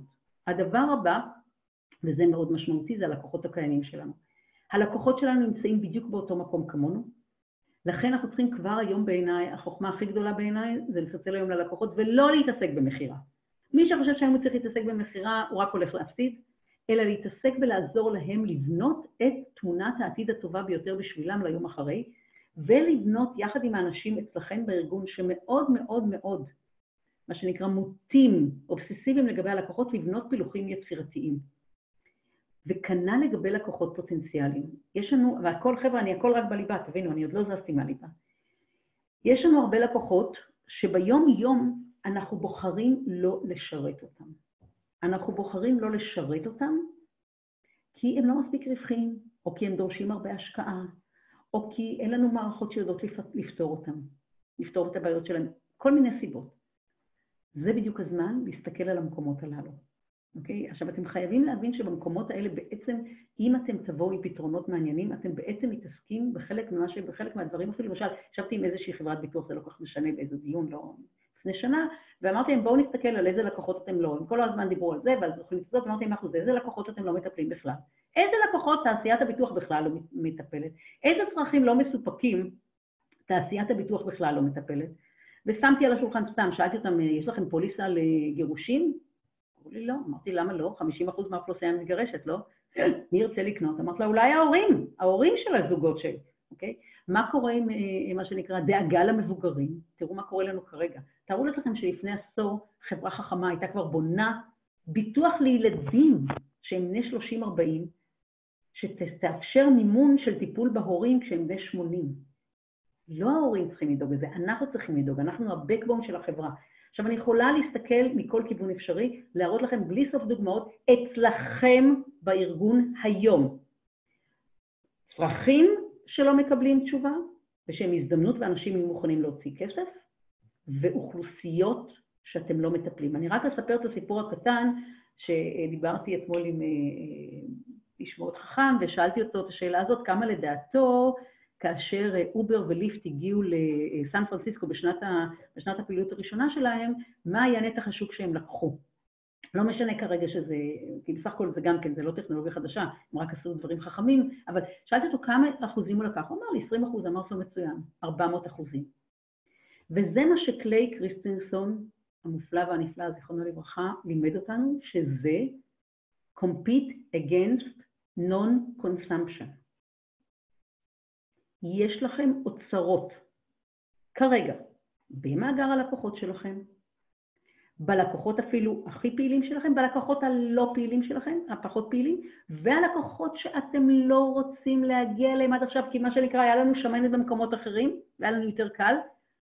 תפנו מבט, אתם מפספסים. יכול להיות שזה מחייב מודל עסקי אחר ומודל שיווקי אחר, אבל עדיין זה יכול לייצר לנו הכנסות קבועות לאורך זמן בא לי, בא עכשיו. עכשיו, הדבר האחרון שאני רוצה לדבר עליו בהקשר הזה, זה שיתופי הפעולה. ההמלצה שלי זה לחפש את שיתופי הפעולה לא במעגל הראשון, לא במעגל השני ולא במעגל השלישי. תעשו ממש עיגולים. מי היינו עושים שיתופי פעולה? Okay. אוקיי. אני ממליצה לחפש את שיתופי הפעולה במעגל הרביעי, החמישי, השישי והשביעי. כי שם יהיה פתאום הזדמנויות מאוד יוצאות דופן. אני רוצה לספר לכם על הסיפור שקייל, אחד המורים, אה, שכחתי את השם משפחה, מסינגלריטי, מנהל חברה שנקראת אה, Uncommon Partners, כשמה כן היא, ובעצם הוא מספר שכשהוא היה מנהל החדשנות שלו, מה שהוא עשה, הוא בעצם פנה למייקרוסופט. והוא הציע לה שיתוף פעולה. זה לא כל כך משנה באיזה היבט, מחשוב וכן הלאה, אבל מה שהיה מדהים זה שבעצם מה שהיה לו עול נוראי, שזה איך הוא מנהל את האופרציה של כל כך הרבה חנויות, והוא ראה בזה קושי גדול, בשביל מייקרוסופט זה היה שפע נפלא שאין להם. כי למייקרוסופט, לפחות אז, לא הייתה נגיעה בצרכן הסופי בכלל כמעט, אלא אם אתה קונה רישיון. לא היה להם מפגש. ופתאום מה שיש לך בשפע, ואפילו הוא בשבילך עול נוראי, הוא הזדמנות מאוד גדולה בשביל מישהו שהוא שותף הכי לא קונבנציונלי. זאת אומרת, מי חשב? תחשבו על הום סנטר ומייקרוסופט, זה בערך החיבור. תחשבו מה יכול לקרות שם. ויצר שיתוף פעולה יוצא מגדר הרגיל. לכו על שיתופי פעולה לא קונבנציונליים, כי בתקופה הקרובה, בניגוד למה שהיה מקובל בטח בארגונים גדולים, לבנות או לקנות לא יהיה כל כך זמין כרגע. ושיתופי הפעולה האלה יכולים לקחת אותנו למקומות מאוד מעניינים הרבה מעבר למה שאנחנו יכולים כרגע לתאר. כי אתה מביא מישהו שחושב מתחום אחר לגמרי, עם סט לקוחות אחרים, עם הבנה שונה של השוק, הוא מזין את המחשבה שלך. ובעצם אתם, כל אחד לומד מהשני, ואנחנו כבר יודעים שהארגונים שהכי יצליחו בעשור הקרוב, זה ארגונים שלומדים, מה שנקרא, למידה מוגברת ביחד. ואם אתם מכירים את השותפים האלה, אתם בונים איתם מערכת שהיא ארוכת טווח, ואתם יכולים להזין אחד את השני, יכול להיווצר כאן משהו יוצא דופן. אוקיי. אני קוראת לזה, חבר'ה, זה מה שנמצא לנו כרגע מתחת לרדאר. אני מתקדמת. אני לא ארחיב כרגע על המודל השיווקי והמודל העסקי, אני מקווה לתת בעוד שבועיים הרצאה על כל מערך המודלים העסקיים החדשים, ואני אתחיל מהדברים היותר אה, כרגע מוכרים, שזה פלטפורמה, ecosystem וכן הלאה, ו... אבל אחר כך אני רוצה להציג כמה מודלים שמי שפיתח אותם זה פרופסור, סליחה, דוקטור פיטר דיאמנדיס, הוא הציג את זה בספר האחרון שלו עכשיו שיצא, The future is faster than you think, ha, הוא יצא עם זה בינואר, תארו לעצמכם רגע לפני המפץ הגדול. אז כן, אה, אכן הוא צודק, אה, אבל אנחנו ריכזנו את זה, גם בנינו מערך דוגמאות, אני מקווה שבעוד שבועיים, אה, לא שבוע הבא, זה לא שבוע מתאים לכולנו, זה שבוע לא פשוט לאף אחד מאיתנו, יום הזיכרון וכן הלאה, אחר כך אני מקווה שנוכל כבר להיפגש ולדבר גם על זה, בשמחה. מה שאני כן רוצה כן להראות לכם, בכל זאת, שתראו, אם אנחנו מסתכלים לרגע אחד, זה מודל שפיטר פיתח קודם, פיטר הוא המנטור הגדול שלי לפחות, יש לו דרך אגב קהילה שנקראת Abundance 360 דיגיטל, שתדעו שכרגע, שהיא מדהימה, כי זה עם יזמים מכל העולם, ופיטר מלמד אותנו בערך כל יומיים, וכרגע הוא פתח אותה דרך אגב, חודש, חודש חינם לכל מי שרוצה. אז אתם יכולים להירשם, לראות איך זה חודש, ואם כן להמשיך. אני אהיה מאוד מאושרת, כי בדרך כלל אני כאן, אני לדעתי האישה היחידה מישראל, או משהו כזה, עוד שתיים, שלוש, שש, וכמובן, אה, ואין כמעט גברים גם, אז אני מציעה שקדימה, תעשו את זה. מה שהוא מדבר עליו, המודל הזה בעצם, הוא מודל שמסביר איך הטכנולוגיה מתפתחת. וזה אומר שגם כשאנחנו מסתכלים על הליבה, אנחנו צריכים להבין מה המשמעות. הוא בא ומניח, נקודת המוצא שלו היא בעצם, שבעצם אנחנו נכנסים בכל נושא, אה, בכל תחום, להאצה של הדיגיטציה. הוא אומר שמה שזה, מה שזה, כאן זה מתורגם לעברית לצערי, כי פשוט חשבתי שאני, אנחנו, שכולנו נוכל להבין, אבל אה, אני אוהבת את המודל הזה כי הוא נקרא, זה היה 6D ואחר כך זה עבר ל-7D, ובעצם הוא אומר שברגע שאנחנו מתחילים באיזשהו נושא בדיגיטציה, השלב הבא הוא שלב של תעתוע. זאת אומרת, נראה ששום דבר לא קורה. אה, בסדר, מדפסות תלת מימד, 35 שנה איתנו, מה, מה הסיפור? אה, אוקיי, ואז פתאום הן מופיעות לנו אחרי 35 שנה. בינה מלאכותית, יש לנו 65 שנה. מתי התחלנו לשמוע על זה? מה שנקרא, נדמה לי שזה היה, ב, אה, אם אני לא טועה, דצמבר 2012, כאשר פתאום פיתחנו את המודל, אה, מה שנקרא, של למידה, אה, למידת מכונה, מה שנקרא. ואז מתחיל השיבוש. ואז בדרך כלל יש היעלמות פיזית, יש אחר כך היעלמות של רווחים, יש אחר כך דמוקרטיזציה, ואחר כך יש מה שנקרא דסנטרליזציה, שזה הדבר האחרון שהוא הוסיף. אבל אני רוצה כדי להמחיש את זה, בואו רגע אחד, יש לנו בטח כמה אנשים שגדלו כאן בתקופה שעוד היו לנו מזנונים בבית. היו לנו מזנונים בבית, מה היה לנו על המזנון? היה לנו פטיפון, היה לנו את האנציקלופדיה, נכון? אה, לפחות אצלנו היה כמה אנציקלופדיות בבית, בטח אצל כולם, היה לנו את המצלמה, היה לנו את האלבומים של הצילומים, נכון? היה לנו את התקליטים, מיליון ואחד דברים. איפה כולם עכשיו? כולם בסלולרי. אז אני לרגע אחד, פשוט כדי להבחיש, ממחישה, זה ככה, זה בבוש אחד.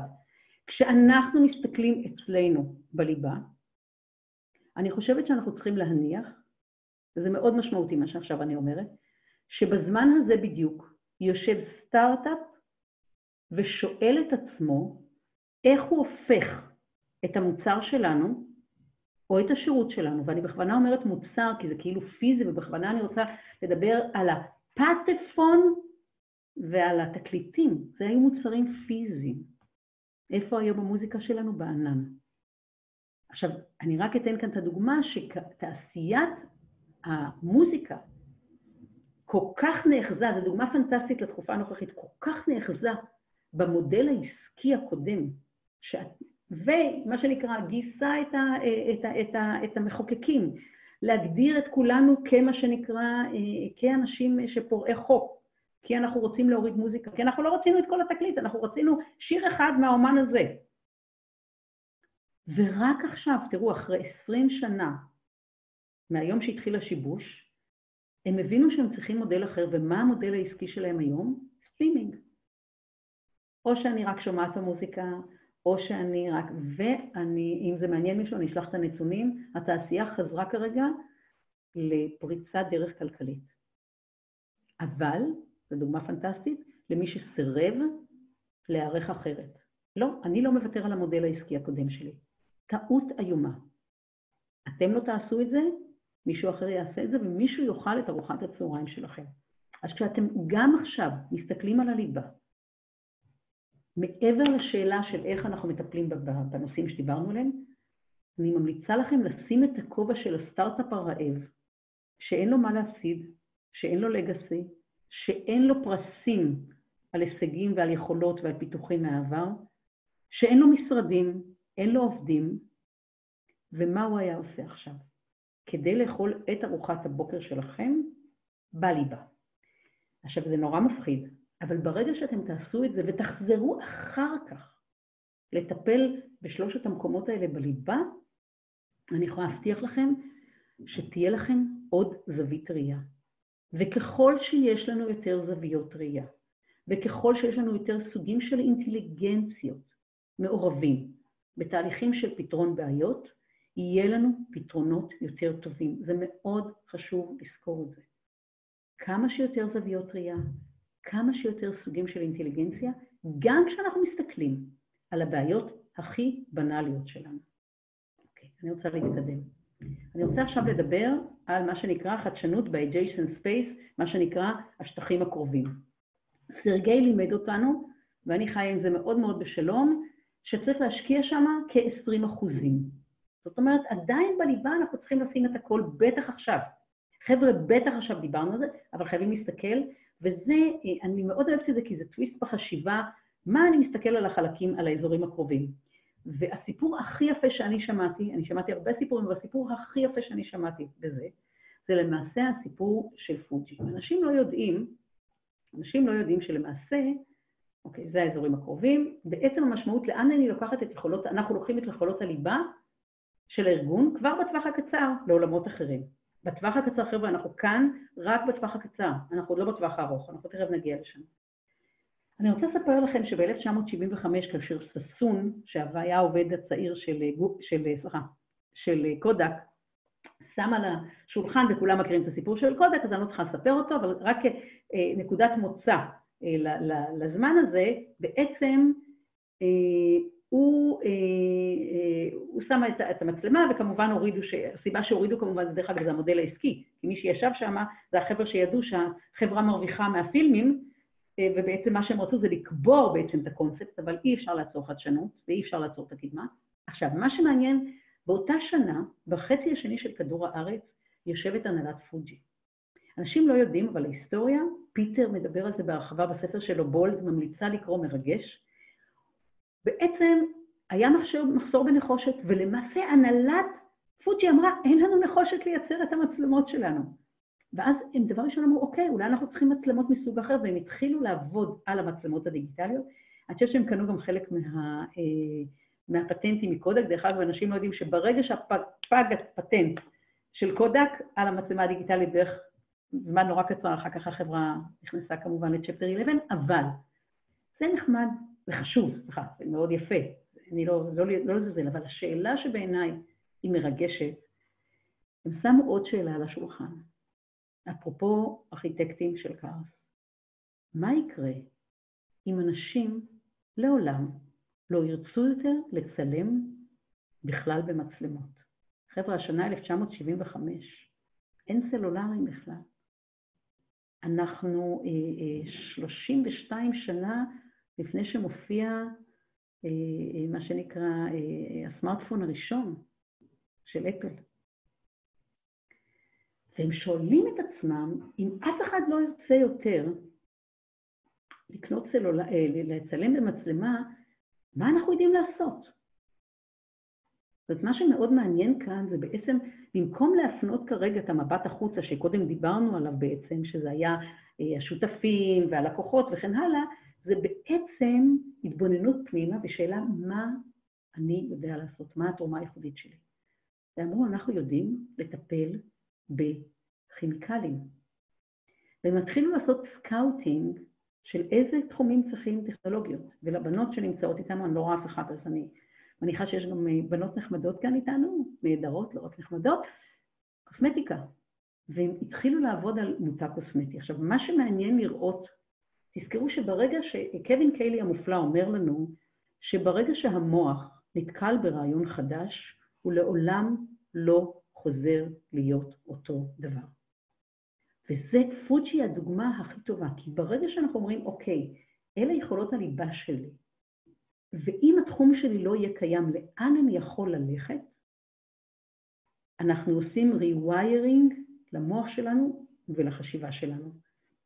ולכן אני רוצה שתראו, זה אה, כרגע איך שנראה סט המוצרים של פוג'י, ואני רוצה, אני לא אכנס וארחיב על זה, אבל אני רק רוצה לספר לכם, למי שעוקב אחרי מה שקורה בקור... עם הקורונה, כאשר פוג'י, כאשר הודיעו ביפן שיש להם כרגע איזשהו, אה, אה, איזושהי תרופה שעשויה לסייע בטיפול בחולי קורונה, ויש להם נדמה לי שני מיליון יחידות שהם נדמה לי הסיעו אותם, העבירו אותם לאיטליה, זו הייתה חברת בת של פוג'י. כי זה התעסק בנושא של ננו, אני לא אכנס כרגע לכל הנושא, אבל תראו איך כשאתה פותח את הצוהר של החשיבה, אתה מגיע למקומות אחרים.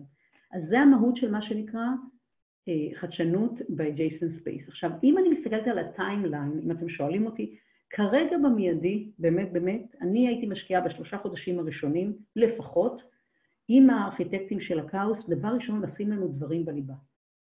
תכף אני אעבור לאיך אנחנו עושים את זה, אבל פשוט להתקדם עם הדבר הזה בתוך הליבה. לי, אני מסתכלת על השעון כל פעם, כי אני, לי נטייה לאבד את תחושת הזמן. אז אחר כך, אבל כבר, כבר, אבל כבר הייתי מתחילה לחשוב ביני לביני, אפילו בלי להסביר עוד אנשים, זה מה בעצם יכולות הליבה שלי ולאן הייתי יכולה ללכת איתם. ויכול להיות שאחרי שעוד שלושה, ארבעה חודשים אנחנו נתייצב, אפשר להתחיל לעבוד על זה בצורה מסודרת, אבל יש לכם אנשים שיכולים לחשוב על זה בצד, בשישי שבת, ויש בטח תמיד משוגע אחד או שניים שיש לו מחברת או פנקס או לא חשוב, או הסמארטפון שלו, והוא כותב באמצע הלילה, אה, הייתי זורקת לו, מה היית עושה, מה יכולות הליבה שלנו ולאן היית הולך? אי אפשר לדעת לאן זה הולך. עכשיו, הדבר היפה שאני רוצה להזכיר לנו כאן, שזה מקום נפלא לשיתופי פעולה, כדי לקצר.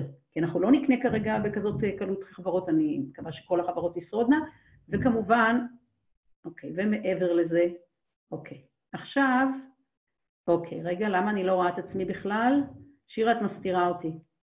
אם את יכולה בבקשה לרדת, אני לא רואה אותי. או, תודה. אוקיי, עכשיו אני רוצה, אה, עכשיו, מה שאני רוצה כרגע זה לדבר על החדשנות בקצוות.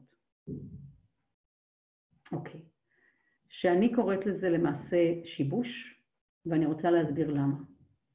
כי חדשנות המשמעות שלה זה לעשות כל מה שאנחנו עושים יותר טוב, או בליבה או מחוצה לה. שיבוש המשמעות העמוקה שלו זה לייתר את כל מה שאנחנו עושים היום לחלוטין. וזה, וזה מתחלף את זה. וכמו שכולנו כרגע חווים, זה מאוד מאוד מאוד לא פשוט, כי המשמעות, וזה ציטוט, ציטוט של פליי קריסטינסון כמובן, זה אומר לוותר על, לוותר על הידוע, הבטוח והרווחי, כמובן, לטובת משהו לא ידוע, מסוכן, ובוודאות לא הוכיח את עצמו כרווחי. זה ה leap of faith. זה מאוד קשה לנו, לכולנו, בני אדם, כי... אוקיי, עכשיו, איך אנחנו ניגשים לדבר הזה? אני חושבת שאחד הדברים המשמעותיים זה לחזור, וזה כאילו התשתית, לפני שאנחנו ניכנס ממש לאיך עושים את זה, זה התשתית. התשתית באה ואומרת, זה מה התפקיד שלי בעולם הזה. מה החברה שלי מביאה? סיניק מדבר על זה, שמעון סיניק, שאלת ה-why. למה אני כאן על פני כדור הארץ? ולחבר את זה עם המבט למרחוק. עכשיו, הדוגמה שאני כאן נתתי זה בעצם הדוגמה של עולם הרפואה. עולם הרפואה למשל בא ובעצם עובר כרגע שינוי דרמטי. הוא עובר ממצב שהוא מתעסק בריפוי, הוא בעצם עובר למקום שהוא בעצם מונע מחלות. זה סיפור אחר לגמרי. ואם אנחנו מחברים את זה, תחשבו על השינוי האמיתי שבעצם בא ואומר, אם יש לנו טכנולוגיות חדשות שבעצם מאפשרות לנו, במקום לרפא, למעשה מאפשר לנו למנוע, אנחנו בעולם אחר לגמרי. ואז אם אני מסתכלת גם מי יהיו הלקוחות העתידיים שלי, זה פתאום אנשים לגמרי שונים מאשר האנשים, כי זה בעצם פתאום אנשים שלא היו בעבר בכלל בחיים. זה אנשים שהם בני 75, 85 ולמעלה מזה. אוקיי. עכשיו, על הבסיס הזה אני יכולה לבנות כמובן לפחות עשרה עתידים פוטנציאליים. אז אני רוצה רגע לחדד כי זה מורכב. לחזור לשאלת הלמה, ל-basic question, למה אני כאן, מה התפקיד שלי, ולחבר את זה, אם זה התפקיד שלי, מי, מי יהיו הלקוחות העתידיים שלי, לא עכשיו, אלא בעוד עשור, אוקיי?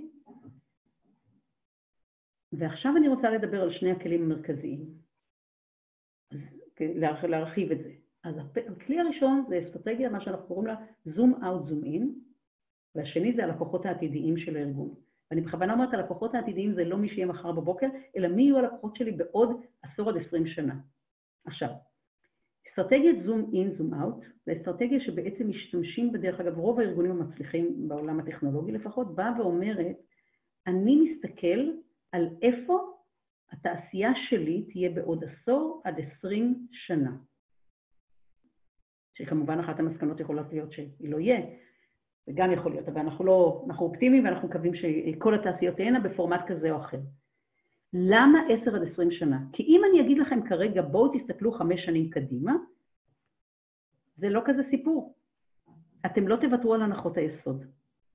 רק אם אני אגיד לכם, חבר'ה, חייבים להסתכל, אין, 20, 30, 20, 40, ואני יכולה להבטיח לכם שהשלב הראשון זה מעצבן, אנחנו עושים את התרגיל הזה, אנשים מסתכלים עליי או כמו על מעצבנת, או כמו על לא כל כך אינטליגנטית, תעזבי אותנו מהשטויות האלה, אבל יש לנו הרבה מאוד כלים לעשות את זה, אוקיי? יש לנו יכולת להכל להשתמש במערכות של, אה, יש לנו יכולת להתעסק עם, אה, אה, אוקיי, אנחנו יכולים להתעסק, יש לנו כל מיני מערך של מחקרים, יש לנו מגמות, יש לנו יכולת לבנות סצנריונים, אני לא אכנס לכל הסיפור הזה, אני רק רוצה להסביר את העיקרון, העיקרון הוא להסתכל רחוק. זה הזום אאוט. עכשיו, ברגע שברור לנו, יש לנו, יש לנו סט של עתידים, לצורך העניין יהיה לנו שישה, שבעה עתידים, שישה עתידים, ואנחנו מתוכם נגיד, אלה כנראה עם הפרוביליות היותר גבוהה להתקיים, וחלקם מאוד חיוביים וחלקם מאוד לא חיוביים, והאסטרטגיה שלנו והפתרונות שלנו צריכים לקחת בחשבון גם את מה אנחנו רוצים לקדם וגם ממה אנחנו רוצים להימנע בדיוק באותה מידה. עכשיו זה, כאן עכשיו מגיע הרגע של האומץ, כי על הבסיס של ההערכות שלנו, החיוביות והפחות חיוביות, לאן התעשייה שלנו תגיע? ב-2030, 2040, אנחנו צריכים להחליט על שתי יוזמות. בוא נגיד בתקופה הנוכחית מספיקה יוזמה אחת, אבל הנקודה היא שאנחנו נותנים לה את האלוקציה הראויה של המשאבים. ולא משנה מה קורה, אנחנו לא לוקחים את המשאבים. כי תמיד יש לנו קרייססים בכל ארגון, ותמיד פתאום יש לנו לקוחות שאנחנו צריכים לטפל, ופתאום יש לנו פחות כסף, ופתאום אנחנו צריכים יותר כוח אדם לזה. לא. היוזמה הזאת, דרך אגב, צריכה להיות באמת במקום אחר לגמרי, לא בתוך, זאת אומרת, לא בתוך, זאת אומרת, צריך לדעת לשמור עליה, כי אחרת כל הזמן יסחבו משם את המשאבים. עכשיו, אני רוצה להזכיר, זה ל-12 החודשים הקרובים. אז אני אומרת, יכול להיות שעם זה אי אפשר להתחיל במיידי, אלא אם כן, אלא אם כן, אתם מרגישים שהארגון שלכם, בגלל, בגלל השיבוש שכרגע קורה, עלול להיות בסכנה קיומית אמיתית, אז אני אומרת לכם, תעזבו את הסיפור של הליבה, תעזבו את הסיפור של האזורים הקרובים, אולי אזורים קרובים כן, אני לא יודעת, צריך להסתכל, ותתחילו לבנות את, ה, את, ה, את העתיד שלכם, מה שנקרא ליבה חדשה לגמרי. לגבי, דרך אגב, האזורים הקרובים, מאוד מעניין, אה, אה, סיימון סינק, אני ממליצה לכם, הוא בנה book club, מאוד מעניין, ואחד הדברים שהוא אמר זה שהוא מבין שמה שהוא כרגע עושה, הוא לא יכול יותר לעשות, ולכן הוא עובר, בעצם הוא שואל את עצמו, הוא חזר לשאלת הלמה, ומה שמעניין אותו זה מה שנקרא אה, להוות מקור השראה לאנשים, להוות מקור השראה ולעשות רק את הדברים שהם אוהבים, ומתוך זה למעשה הוא גזר את היוזמות. אז זה מאוד מאוד מאוד משמעותי. עכשיו, אני רוצה להזכיר לנו שיש שם את הכלי. הכלי זה השותפויות. אנחנו לא צריכים לעשות יותר שום דבר לבד. יש מספיק אנשים טובים. ואני פותחת כאן מאמר מוסגר להגיד שאם מישהו חושב, אם מישהו חושב שהאנשים הכי חכמים נמצאים אצלו בארגון, הוא טועה. אוקיי? הוא טועה. הוא פשוט טועה. אז אני ממש ממליצה את הסיפור של מודל השותפויות להתחיל לעבוד עליו. אוקיי. אני רוצה כרגע לדבר על הלקוחות העתידיים. אתם בסדר? כולם בסדר? יש איזה רעש מלמעלה, אני מתנצלת. אוקיי. מי הלקוחות העתידיים? אז מה שאנחנו יכולים כרגע לעשות זה בעצם לעשות educated guest, מי הלקוחות העתידיים, ומה שאנחנו צריכים זה ללמוד כל מיני מגמות. אני לא אכנס כרגע, יש, זה לא הזמן וזה לא המקום, אבל מה שחשוב זה לזהות מאוד מאוד מדויק באיזה פלחים, מי יהיו הלקוחות העתידיים, איך הם ייראו. עכשיו, אני רוצה להגיד משהו נורא מעניין כשאנחנו מדברים על לקוחות עתידיים, זה אפרופו אחד הכלים הכי משמעותיים גם להזיז את הארגון. כי אחד הדברים שארגונים לא רוצים זה, אל תשנה לי, אנחנו מכירים את זה, אבל כשאתה אומר, חבר'ה, אבל הלקוחות שלנו יהיו אחרים, יש נולדת תובנה בארגון שהוא חייב להשתנות כי הלקוחות יהיו אחרים. אוקיי. עכשיו יש מערך שלם של כלים, תצפיות משתתפות, אה, אה, אה, כל, כל, כלים מחקריים. אני הייתי משקיעה לא מעט במחקר לעשות את העבודה כאן, ויש לא מעט כלים מחקריים, יש גם כלים, גם מחקר שולחן, גם מחקר אמפירי, אני לא אכנס לכל הסיפור הזה. אני רק רוצה להציג לכם כלי נוסף שבנתה שרלין שאני מאוד אוהבת אותו, שנקרא מפות אמפתיה. וזה בעצם אומר לנו, בואו אני אעלה את כל המפה, איבדתי את תחושת הזמן כדרכי, אוקיי, אנחנו בסדר. בעצם אנחנו יודעים כבר, כולנו, שיש הבדל אדיר בין מה שאנחנו חושבים, בין מה שאנחנו מרגישים, בין מה שאנחנו אומרים ובין מה שאנחנו עושים. וכשאנחנו משתמשים כרגע במפת האמפתיה, כשכבר אנחנו מתחילים להגדיר מי יהיו הלקוחות הפוטנציאליים שלנו וכן הלאה, אנחנו מסתכלים על זה אחרת. עכשיו, אם אני רק אקח את הדוגמה הכי הכי קטנה של עולם הבריאות, אם כרגע הלקוחות שלי, אם אני כרגע מנהלת אה, איזשהו ארגון שמתעסק בעולם הבריאות, ואני מבינה שהלקוחות העתידיים שלי הולכים להיות בני מאה. בני מאה. מה, אני בונה לי כזאת מפה. או הלקוחות העתידיים שלי הפוך, זה יהיו אנשים צעירים, בני עשרים, אבל שתוחלת החיים שלהם תהיה 120-130. כי אלה הערכות לגבי, לפחות של המומחים שאני מכירה, של תוחלת החיים של אנשים שהם היום בני אה, עשר נניח, אוקיי? מה, מה יאפיין אותם? עכשיו, ברגע שבונים את המפות הללו, שהן נוחות מאוד, ואחר כך אפשר להביא אה, אנשים שאולי הם מכירים את האוכלוסיות האלה, או יש להם דעה, או אפילו את הלקוחות עצמן, אתם, אתם יכולים להסתכל על זה לגמרי אחרת. אני בכלל מאוד מאוד מאמינה שאין תחליף לשיחה עם האנשים שאנחנו רוצים אה, אה, להשפיע עליהם. החלק הגדול של הסטארט-אפים נכשלים לא בגלל הטכנולוגיה, אלא בגלל שאין הבנה בעצם מה הלקוחות רוצים ולא מה החסמים, אז זו נקודה מאוד מאוד משמעותית. עכשיו, הכלי הבא שאני רוצה לתת לנו, כשאנחנו מסתכלים על הלקוחות העתידיים, זה כלי של קרלוטה פרז, דוקטור, סליחה, פרופסור קרלוטה פרז המדהימה, שהיא כלכלנית שמתעסקת בהשפעת החדשנות, באינטראקציה בין חדשנות ובין, אה, ובין אה, כלכלה.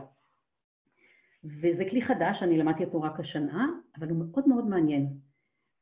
היא מדברת על ההתפתחות ההיסטורית של הטכנולוגיה, אני לא אכנס לזה, יש לנו הרצאה שלמה זה דרך אגב באינטרנט, בכלל על מה זה טכנולוגיה ואיך היא מתפתחת, אתם יכולים למצוא את זה. אם אתם לא מוצאים, שלחו לי מייל ואני כמובן אשלח לכם את הלינק. בכל מקרה, מה, ש, מה שהיא מדברת עליו כרגע, אנחנו רגע כמובן לפני פריצה מאוד גדולה, אני לא רוצה להתעכב על החלק הקודם, אתם תסלחו לי, כי זה, אני רוצה לדבר על מה שרלוונטי לשיחה כרגע. היא בעצם באה אומרת שההתקדמות הטכנולוגית היא אף פעם לא רציפה למרות מה שנדמה לנו. ומה שהיא אומרת שלמעשה, וזו הנקודה הקריטית שאנחנו מדברים על הלקוחות העתידיים ואיפה ההזדמנות שלנו. היא באה וטוענת שכשיש לנו התפתחות טכנולוגית, הטכנולוגיה עצמה מאפשרת היווצרות של 30% מהמשרות החדשות. אבל 70 הם תוצר של סגנון החיים החדש שנולד אחרי שיש אימפלמנטציה של הטכנולוגיה. אתם רואים, ככה היא מראה לנו את ההתקדמות של הטכנולוגיה. עכשיו, זה אומר שכל עידן, כאשר הטכנולוגיות מתחילות מה שנקרא להגיע לשלב ההבשלה שלהם, שדיברנו שיש לנו 15 כאלה בעשור הקרוב, וחלקן כבר מאוד בשלות, כמו שדיברתי על האנרגיה למשל, או בינה מלאכותית, שאולי אנחנו לא, יש לנו עוד הרבה עבודה איתה, אבל היא כבר כרגע יכולה לעזור לנו בהרבה מאוד אה, אה, היבטים. נוצר סגנון חיים חדש. וכשאנחנו מדברים על הלקוחות העתידיים שלנו, אנחנו יכולים לעשות educated guess מה עשוי להיות סגנון החיים העתידי. עכשיו חשוב לדעת שסגנון החיים העתידי לא רק חברות הטכנולוגיה בונות, אלא גם בשיתוף עם החברה ועם המוסדות המרכזיים של החברה ועם מה שנקרא, אה, אה, הייתי אומרת, גם המוסדות הלא פורמליים. אני לא, לא, לא אכנס לכל הדבר הזה בהרחבה כרגע, אתם תסלחו לי, אני ממליצה להסתכל על ההרצאות של אה, פרז, ואם בהזדמנות אנחנו אולי נדבר על זה. אבל אם אנחנו מבינים שכל פעם נוצר סגנון חיים חדש, והולך להיווצר סגנון חיים חדש בעשור הקרוב, כי הולכת להיוולד תרבות חדשה, אני לא ארחיב על זה כרגע. מה יאפיין את הלקוחות שלנו ב-2030? אותם חבר'ה שהם היום בין 13-14, כשהם יגיעו להיות ב-24-25 עם המוצרים שלנו בשבילם. מה קורה אם כרגע הלקוחות שלנו, הפוטנציאליים הם כרגע בני 30, אבל הם יהיו בעוד עשר שנים, הם יהיו בני 40, מה יהיו הצרכים שלהם אז? אלה השאלות. ומה יהיה סגנון החיים שיאפיין אותם? עכשיו, זה מצוין אם כשאתם שואלים את השאלות, כל מה שאתם רואים זה כלום. מצוין. כי זה אומר שאתם באים בלי שום הנחת יסוד. אתם נקיים. זה מעולה. כשאתם לא יודעים כלום, אני יכולה להבטיח לכם שזה המתכון הכי טוב שאתם תלמדו הרבה. אז זה מצוין. אם כרגע זה מרגיש מבלבל, לא ברור, אני אנסה למצוא זמן כדי ללמד איך אפשר לעשות את הדבר הזה בצורה יותר קלה, יש טכניקות, אבל זה מצוין שזה מבלבל, כי זה אומר שאתם כרגע דף נקי, והכל אפשרי. אנחנו לא סובלים, כשאנחנו חושבים על העתיד, אחד הדברים הנפלאים זה שאנחנו לא סובלים מ-educated in capacity. אידי ויינר לימדה אותנו, educated in capacity, זה אומר שאנחנו יודעים יותר מדי על כל דבר. על העתיד אנחנו לא יודעים כלום, אז אנחנו צריכים ללמוד, ויש לנו יכולת ללמוד. אני מתקדמת. אה, אני לא, לא רוצה לדבר על זה כרגע, אני רוצה כרגע לדבר על הנושא של once יש לנו, הגדרנו במה אנחנו הולכים לטפל, זה אה, מודל שפיתח אותו אסטרו טלר. אסטרו טלר הוא בעצם המוביל של גוגל אה, X, שזה כמובן הארגון הכי מעניין בעולם, אני הייתי מאושרת לעבוד בו, והוא אומר שאחד הדברים שקורים לנו, כשכבר ברור לנו מה אנחנו רוצים לעשות בפרויקט, יש לנו תמיד בכל פרויקט חלק קל וחלק קשה. הוא קורא לזה, ואז הוא מציג את הסיפור, שאם אתה רוצה לבנות אה, אה, אה, איזושהי קתדרה שיש בה פודיום, וקוף מרצה בעשר, בעשר שפות. סליחה שאני ככה נותנת את הדוגמה שהיא נשמעת הזויה, ואז הוא אומר, רוב האנשים ורוב הארגונים, זה הגישה שלנו, כי אנחנו שם, ככה אנחנו רגילים, אנחנו מתחילים לטפל בבעיה הפשוטה, בפודיום. הוא אומר הפוך. הוא אומר, בואו תסתכלו האם באמת אתם מסוגלים ללמד את הקוף לדבר עשר שפות.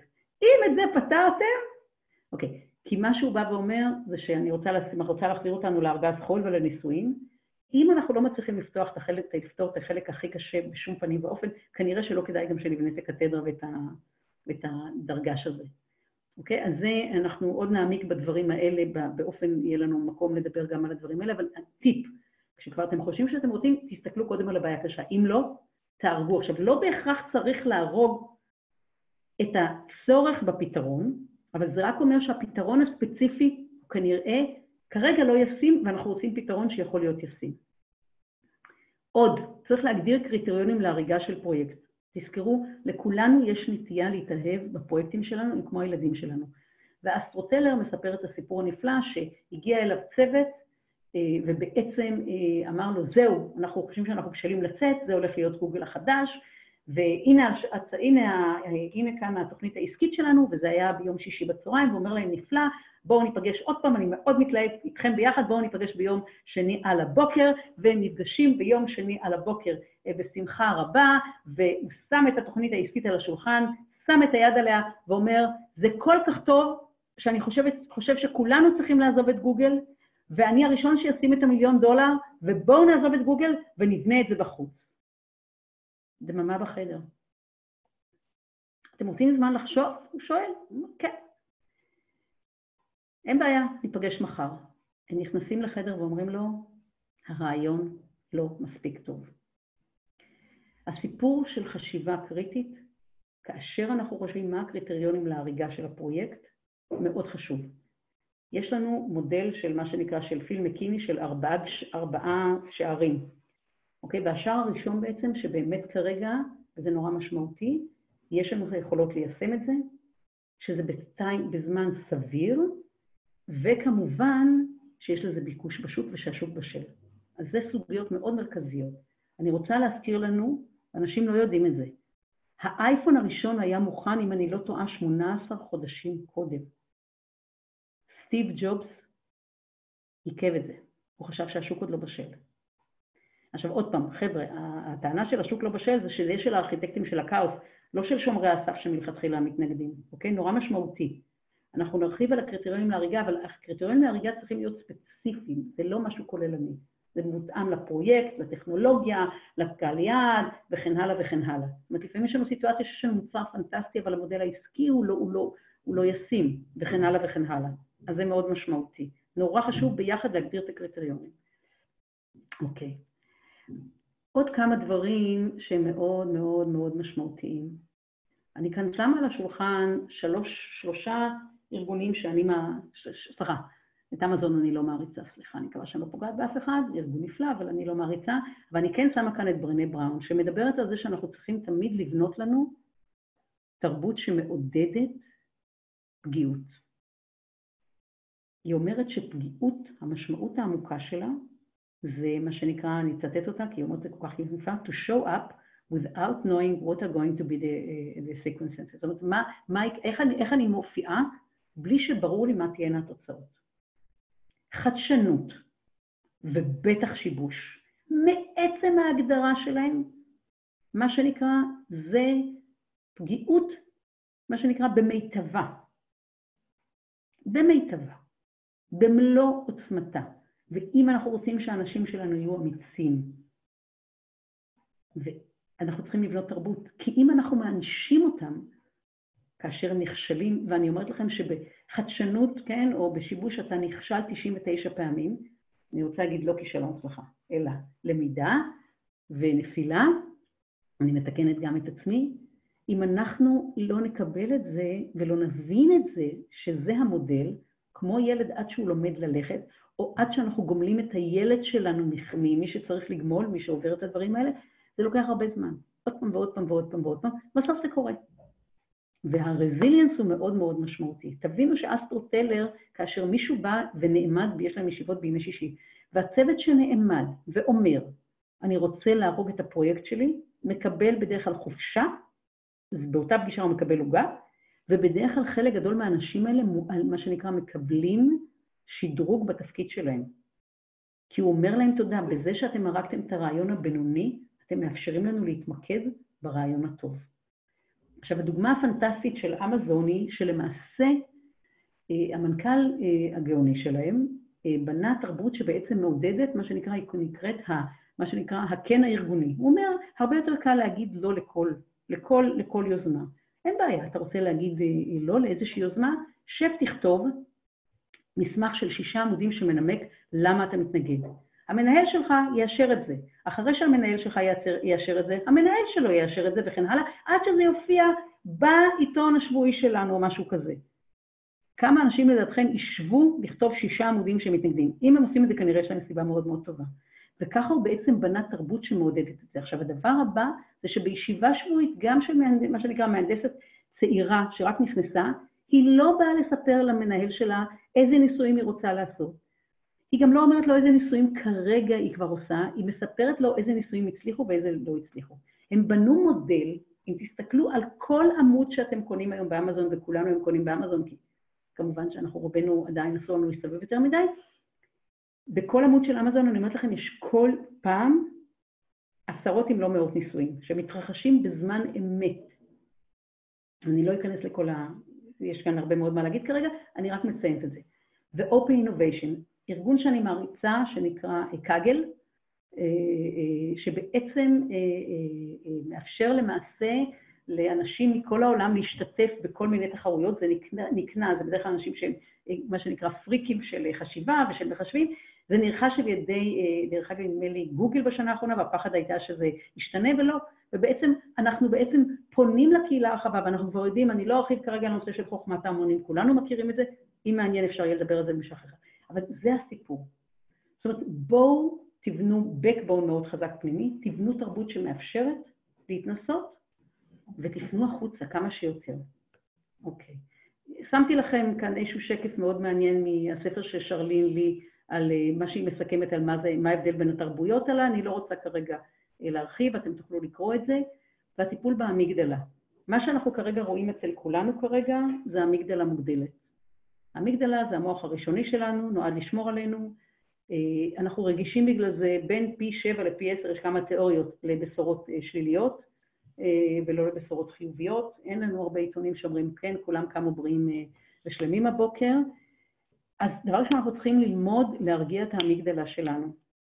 אנחנו צריכים לדעת שהארגון שלנו, בטח כרגע כשאנחנו חוזרים, כל אחד ואחד מאיתנו, וארגון הוא בסוף אנשים, כל אחד מאיתנו הוא עם אמיגדלה מוגדלת, גם אני, אין בכלל ספק. ואחד הדברים המשמעותיים זה איך אנחנו מטפלים באמיגדלה, בכלים ובמאפיינים והתרבותיים של הארגון שלנו. אם זה כן כוסות קפה, אם זה אה, לקבוע בירות, אה, שתייה של בירות, אני לא יודעת, כל אחד.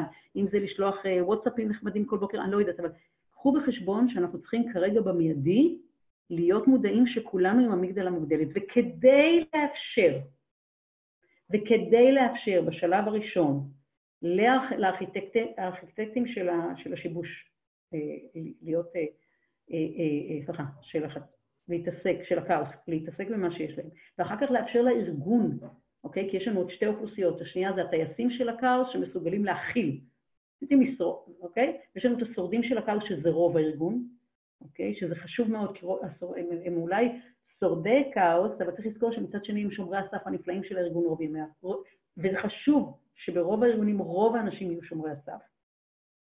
אבל כרגע אצל כולם, למעט השלישייה המופלאה, שלישיית המוסקטרים שלי, כולם עם אמיגדלה מאוד מאוד מוגדלת. אז חשובים, חשוב לטפל. עכשיו, חשוב להבין עוד פעם, שכשאנחנו נתחיל לטפל בליבה, בצורה שגם עוזרת, חוסכת כסף וכן הלאה, אנחנו כבר נטפל באמיגדלה. זאת אומרת, זה לא יהיה המטרה, אבל זה יהיה אחת התוצאות. ובניית תנועה, אף אחד מאיתנו לא עובד לבד, אנחנו לא נועדנו לעבוד לבד, אז once, דרך אגב, מה שנקרא, הארכיטקטים של הכאוס, כבר די ברור להם, בואו נגייס את טייסי הכאוס, כדי שיעזרו לנו אחר כך להציג את זה לשאר, וכמובן דוגמה אישית. חבר'ה, אני לא ארחיב על זה, בן גוריון, כולם יודעים אה, שאני מעריצה אותו, אני חושבת שבזכותו, אדם אחד שבזכותו יש לנו כרגע את, מדינת, את המדינה וכולנו יושבים כאן ומדברים בעברית ולא בכל מיני שפות זרות במקומות אחרים בעולם. אין תחליף לדוגמה אישית. אנחנו יודעים גם שהילדים שלנו לא, לא לומדים ממה שאנחנו אומרים להם, הם לומדים מה שאנחנו עושים. אז מי שרוצה, גנדי אמר את זה הרבה הרבה הרבה הרבה יותר טוב ממני, הוא אמר תהיה השינוי שאתה רוצה לראות, לראות, לראות בעולם. אז זה מאוד מאוד משמעותי. עוד משהו לגבי המגדלה, ציטטה נפלאה של מרק טוויין ששמעתי בשבוע שעבר, באחד משיעורי המיינדפולנס שלי, זה שאמפתיה זה שפה שגם החירש יכול לשמוע ושהעיוור אה, יכול לראות. אז אני חושבת שזו, גם כן תחשבו מה אפשר לעשות אה, עם אמפתיה ו-compassion, שזה כאילו ה-execution מה אפשר לעשות בתוך הארגון. ואז אני רוצה, כשכבר ברור לנו לאן אנחנו הולכים, אני רוצה להביא עוד כלי חדש אל השולחן, וזה סיפור ונרטיב, פנייה של נרטיב. אני רוצה לדבר על ג'ון הגל, שמדבר ומסביר לנו מה ההבדל בין סיפור ובין נרטיב. סיפור זה משהו סגור, יש לו התחלה, אמצע וסוף, ואתה יושב בצד, נהנה מאוד, אבל אתה פסיבי, וגם אין לך שום השפעה. נרטיב זה תכנים, יש איזושהי עלילה, אבל עוד אין סוף. זאת אומרת שכולנו יכולים לתרום. וברגע שאנחנו מציגים לאנשים שלנו נרטיב ולא סיפור, ואנחנו מראים איפה אפשר לתרום, אני יכולה להבטיח לכם שיהיה הרבה יותר קל לגייס אותם. והרבה פעמים הדרך הנכונה, משום שלפעמים קשה לנו לחשוב על העתיד, בטח לשומרי הסף, כי תפקידם והמהות שלהם זה לשמור על הכאן ועכשיו ובצדק, חשוב שהם כאן, אנחנו יכולים להיעזר בסיפור, אחד המודלים הנחמדים שאני מכירה זה שימוש בסופרים או בציירים של, או לבנות סיפור יחד עם הארכיטקטים של הכאוס, של science fiction, של מדע בדיוני, ואז נורא קל, כי זה לא מדובר על השלושה חודשים הקרובים, אוקיי? בטח כשאנחנו מדברים על שיבוש. זה לוקח אותנו למקומות אחרים לגמרי. אז זה כלי נורא משמעותי, לא צריך יותר מדי, לא צריך לעשות מזה השקעות. חבר'ה, אל תיכנסו להפקות. אוקיי? לא צריך להיכנס להפקות. שלושה, ארבעה שקפים, מקסימום מישהו שמסרטט ביד, הכל בסדר. לא להיכנס להפקות, להפך. ככל שזה יותר down to earth, וככל שזה פחות מצועצע, הרבה יותר קל לאנשים להרגיש עם זה נוח. בטח אם אנחנו מדברים איתם על העתיד, שגם ככה הוא די מפחיד את כולנו. כי אף אחד כרגע לא יודע מה יהיה העתיד. אוקיי. אני רוצה לדבר על קבלת ההחלטות. לצורך העניין, אם יש לנו כמה פרויקטים בליבה, או אם אנחנו כבר בכל זאת כבר זזנו ל-adjacent space, לאזורים הקרובים, שלא לדבר אם אנחנו בעולם של השיבוש, עכשיו החלק הכי קשה של להחליט מה לא לעשות. מה לא לעשות קשה הרבה הרבה הרבה יותר מאשר להחליט מה לעשות. כי המשמעות היא בעצם לוותר על אופציות שיש לי על השולחן. ואחד הקשיים שלנו כבני אדם, אנחנו, זה הדבר הכי נורא כמעט בשבילנו להגיד, את זה אני לא לוקח, על זה אני מוותר. אבל המהות של אסטרטגיה אמיתית, וזו לא מילה בעיניי אה, שלא ראויה להביא אותה לשולחן, רק המשמעות שלה לדעתי משתנה, כלי אחר היום, זה להחליט מה לא לעשות. נורא קריטי. עכשיו, אפשר לבנות קריטריונים למה לא לעשות, ואפשר להביא אנשים מחוץ לארגון כדי להחליט מה לא לעשות. ככל שאתם תהיו יותר ברורים מה אתם לא עושים, יהיה לכם קל להפנות את המשאבים הנדרשים למה כן לעשות. נורא משמעותי. מה לא לעשות, תזכרו, זו ההחלטה הכי קשה והכי קריטית שאתם צריכים לקבל בשלב הזה. אני אתקדם, זה דברים שאנחנו יותר מכירים, אנחנו נערכים פנימית, אנחנו עושים אישור של האסטרטגיה, דיברנו עוד פעם על ארגז החול, אנחנו מכניסים כאן כבר גם את הטייסים וגם את היועצים כמובן, סליחה, את השורדים, אנחנו מנהלים דיאלוג מאוד מאוד מאוד פתוח, חבר'ה זה נורא נורא קריטי, עכשיו לשאול את כל השאלות הקשות. ואתם צריכים לוודא שאנשים on board, ואם יש שאלות קשות, תציפו. התנגדויות תמיד עדיף לגלות לפני ולא אחרי. קריטי, קריטי, קריטי, קריטי. ולקבוע מועד, עוד פעם להתנסות בפנים איך זה מרגיש. עכשיו, אם יש לכם את המתלבטים, אני לא יודע, אני כן יודע, או זה עוד לא הזמן הנכון, עוד פעם אני אביא את דוד בן גוריון הנפלא, שאני לא יודעת אם אתם יודעים, אבל כל מי שמסביבו התנגד להקמת המדינה באותו זמן. ויצמן, איש נפלא ויקר, קיבל הבטחות מצ'רצ'יל שאמר לו, מה אתה בלחץ? עוד דונם, עוד עיזה, עוד טלה, לא יודעת, עוד עשור תהיה לכם מדינה. נשיא ארה"ב אמר, חבר'ה, אם אתם הולכים לבנות את המדינה, זה לא שאנחנו לא נשלח לכם נשק, אנחנו ניתן, אנחנו נטיל אמברגו על כל מי, ש... מי שייתן לכם נשק. אנחנו הקמנו את המדינה עם שני טנקים, אפרופו טנקים, שבן גוריון הורה לגנוב מהבריטים, אוקיי? אז כל מי שמתלבט, שימו אותו במושב האחורי, לא עכשיו, זה לא הזמן. ויש דימוי מאוד יפה ששרלין לי מדברת עליו, שזה השריפה של הספינות, והיא מדברת על אלכסנדר מוקדון.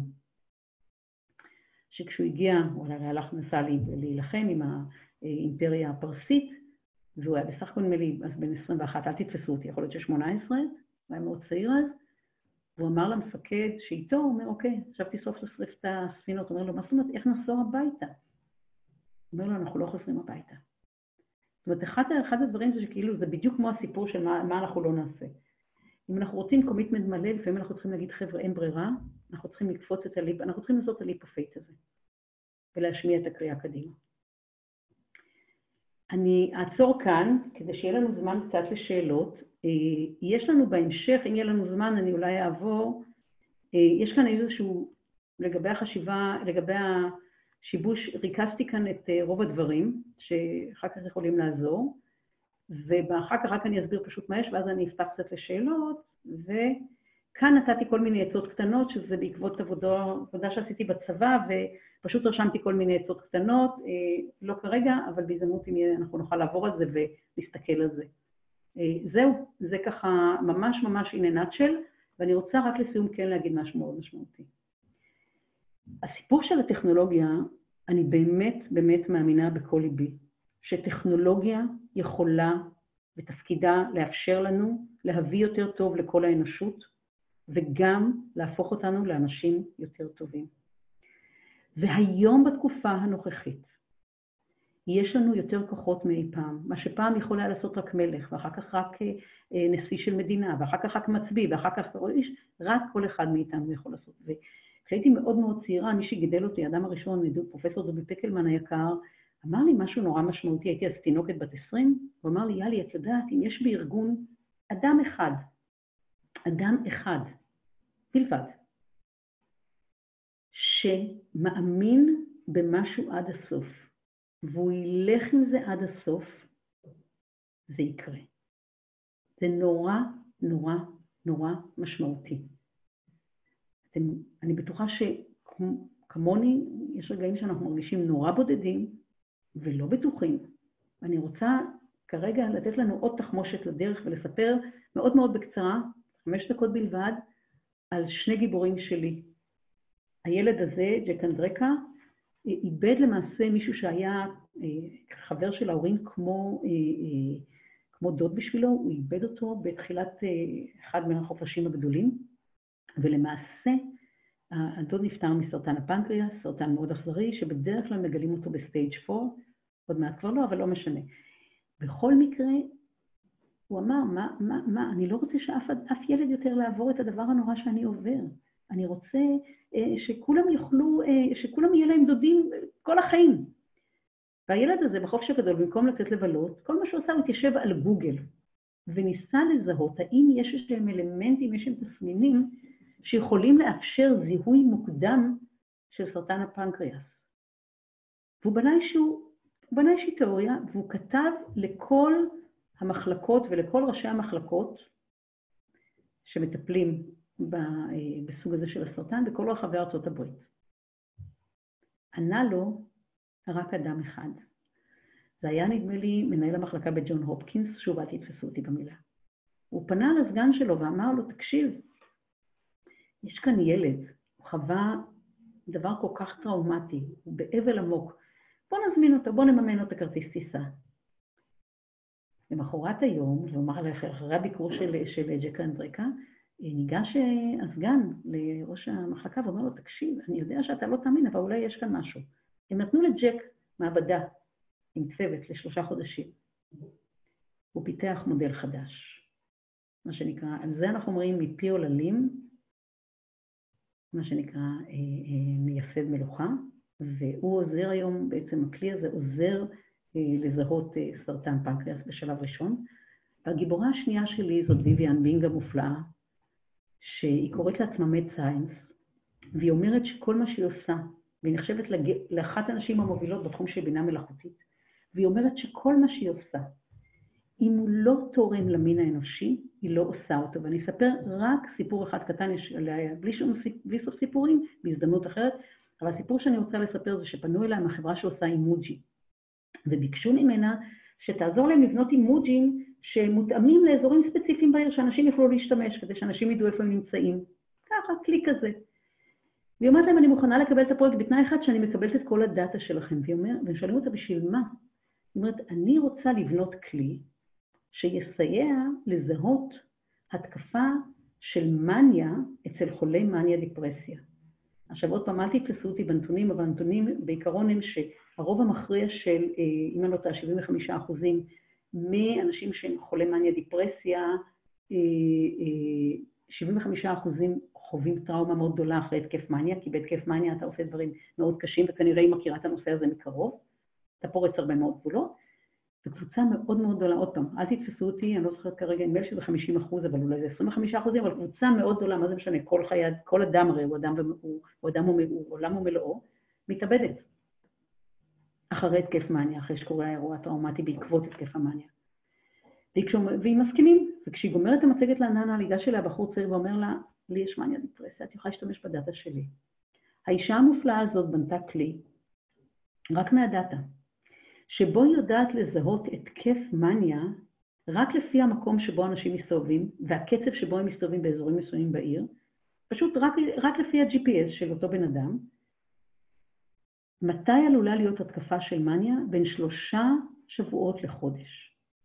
תארו לעצמכם. עכשיו, הדאטה, ההתראה הזאת מגיעה כמובן למטופל, מגיעה אה, לאדם שהוא הכי קרוב אליו ומגיעה לרופא. ואז יש יכולת להכניס אותו, מה שנקרא, ל-safe place. זאת אומרת, לפני שההתקפה קורית, לדעת שהיא מתקרבת להכניס אותו לאזור מוגן, ולא לאפשר לו לעשות את כל הדברים הכל כך קשים. זאת אומרת, לא לגרום לו לשבר הנוראי הזה בחיים, לרכך את זה, לאזן את זה ולהתקדם עם זה.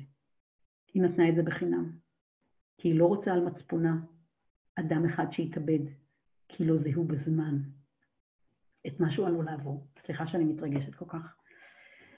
אז המסר שלי כרגע, כשאנחנו חוזרים לארגונים שלנו ואנחנו ניתקל בהרבה כעס ופחד וחרדה והתנגדות, תזכרו שאם יש אדם אחד בעשר ספינות ששומר על קור רוח, כל עשר הספינות תגענה הביתה בשלום עם כל האנשים שעליהם. אמר חכם זן ידוע. ואם לא, כנראה כולנו, we are going to be doomed. אז אני מאמינה שכל אחד ואחד מאיתנו, עצם זה שהוא נמצא כאן אומר שהוא יכול להיות הבן אדם הזה, הרגוע, שמסתכל למרחוק ולא על השלושה ארבעה חודשים, ושיכול לעזור לארגון שלו לעבור את התקופה הקשה הזאת. אז זהו, אני מאוד מאוד מודה לכם על הזמן שהקדשתם לי, על הנכונות ללמוד ביחד. אה, אה, זכות מאוד מאוד גדולה בשבילי ללמד אתכם. אה, אני מזכירה שיש כאן את המייל שלי ואת זה שלי, ואם מישהו רוצה להצטרף לקבוצת הלמידה שאני אתחיל להפעיל אחרי, אחרי השבוע הבא, אז פשוט תשלחו מייל ואני אדאג להכניס אתכם לרשימת התפוצה. ושוב, הרבה תודות לשלי ולשירה שאפשרו לזה להיות בתוך המערכת של מטריקס ותמכו ועבדו כל כך קשה כדי לאפשר את זה. וגם למיטל, סליחה, שכחתי, אה, וליעל שעיצבה את ההזמנה, ואלפי תודות על כל העזרה ועל התמיכה, אני מאוד מאוד מכירה את זה, וזהו, אנחנו נפתח את זה, אה, מה שבזמן שנשאר לנו, או, 20 דקות, יפה מאוד, אז אני סוגרת כרגע ואנחנו נפתח את זה לשאלות. אה, יאלי, תודה. אני אנסה פה לעזור במתכונת שעשינו כאן של וובינר. אה, למי שרוצה לדעת, עשינו וובינר כי חשבנו שאולי יגיעו לנו יותר מ-100 משתתפים, אה, ובמיטינג היה לנו מוגבל ל-100. אז אה, עשינו פורמט היום, ננסה לראות איך זה עובד לנו. יש לנו כמה ידיים מורמות, יש לנו, היה לי כמה אנשים ששלחו לנו ב-Q שאלות תשובות. אביחי שואל אם אפשר לקבל יותר חומר על מפות האמפתיה, אז זה משהו לשלוח במייל.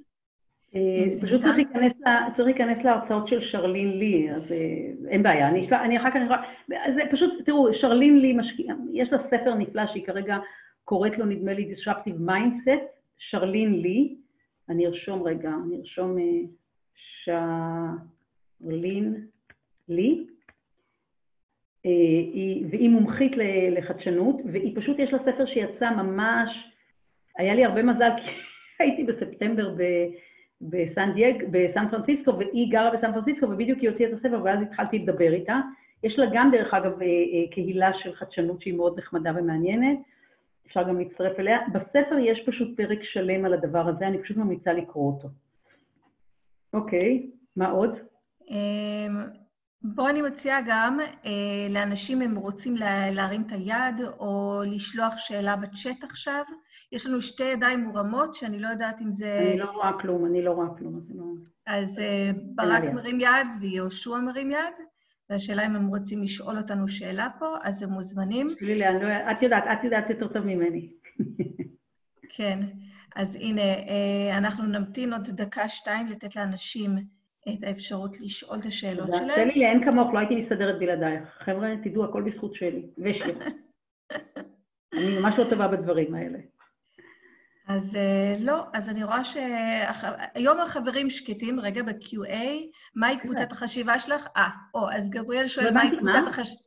גבריאל שואל מהי קבוצת החשיבה ואיך מצטרפים. אה, זה פשוט יוזמה שחשבתי עליה אתמול, זה לא שאני כזאת, אה, אני כל כך עסוקה בללמוד ובלעבוד, אבל אתמול בלילה אמרתי שכאילו יש כל כך הרבה ידע שצריך להעביר אותו, אז פשוט אני, אה, פשוט תשלחו מייל, וכשאנחנו נארגן את הקבוצה, אז פשוט נשלח לכם הודעה שאנחנו מתחילים, מתחילים ללמוד, זה הכל, אנחנו לומדים ביחד. ואנחנו נלמד, בה, נלמד יותר לעומק על כל הטכנולוגיות המשבשות, נלמד יותר לעומק על טכניקות של חשיבה על העתיד, קצת נלמד מודלים של אידי ויינר, נסתכל, אפשר יהיה להסתכל על תעשיות שלמות, יש לנו לא מעט חומר שכבר אספנו בשנים האחרונות על איך יראו העולמות הבאים, זאת אומרת, איך, הבאים, סליחה, העולמות החדשים, זאת אומרת, מה יהיה בעולם הרפואה, מה יהיה בעולם החקלאות, המזון, מה יהיה בעולם התחבורה, איך יראה העולם הפיננסי בעתיד, אין כמעט נושא, אני חושבת, שלא למדנו אותו בשנים האחרונות. מטריקס אינוביישן, התפקיד שלה זה לעזור ללקוחות, ולכן תפקידנו להיות מוכנים לכל לקוח מכל תחום, ולכן אנחנו לומדים את זה בצורה מאוד מאוד אינטנסיבית. אז אנחנו פשוט נוכל לעבור, דבר ראשון נעבור לעומק על כל אחת מהטכנולוגיות, אחר כך נעבור על עולמות שונים, זאת אומרת, אנחנו כל פעם נתקדם בהתאם למה שקבוצה תרצה ויהיה חשוב, זה פשוט קבוצת למידה משותפת. ואם מישהו יש לו מה לתרום חוץ ממני, אז קדימה. אני לא אמורה, חבר'ה, התפקיד שלי זה, בעולם הזה זה ללמוד וללמד, אבל אני בטוחה שאני לא יחידה, אני לא חושבת שאני כזאת מיוחדת, הטבע מייצר הרבה מאוד אקזמפלרים מאותו דבר, אז כל מי שרוצה לתרום זה יהיה מצוין. אז הילה שואלת, לא, סליחה, מירב שואלת, מה קבוצה שאמרת שאת הישראלית היחידה בה, אם את יכולה לחזור על השם. בטח.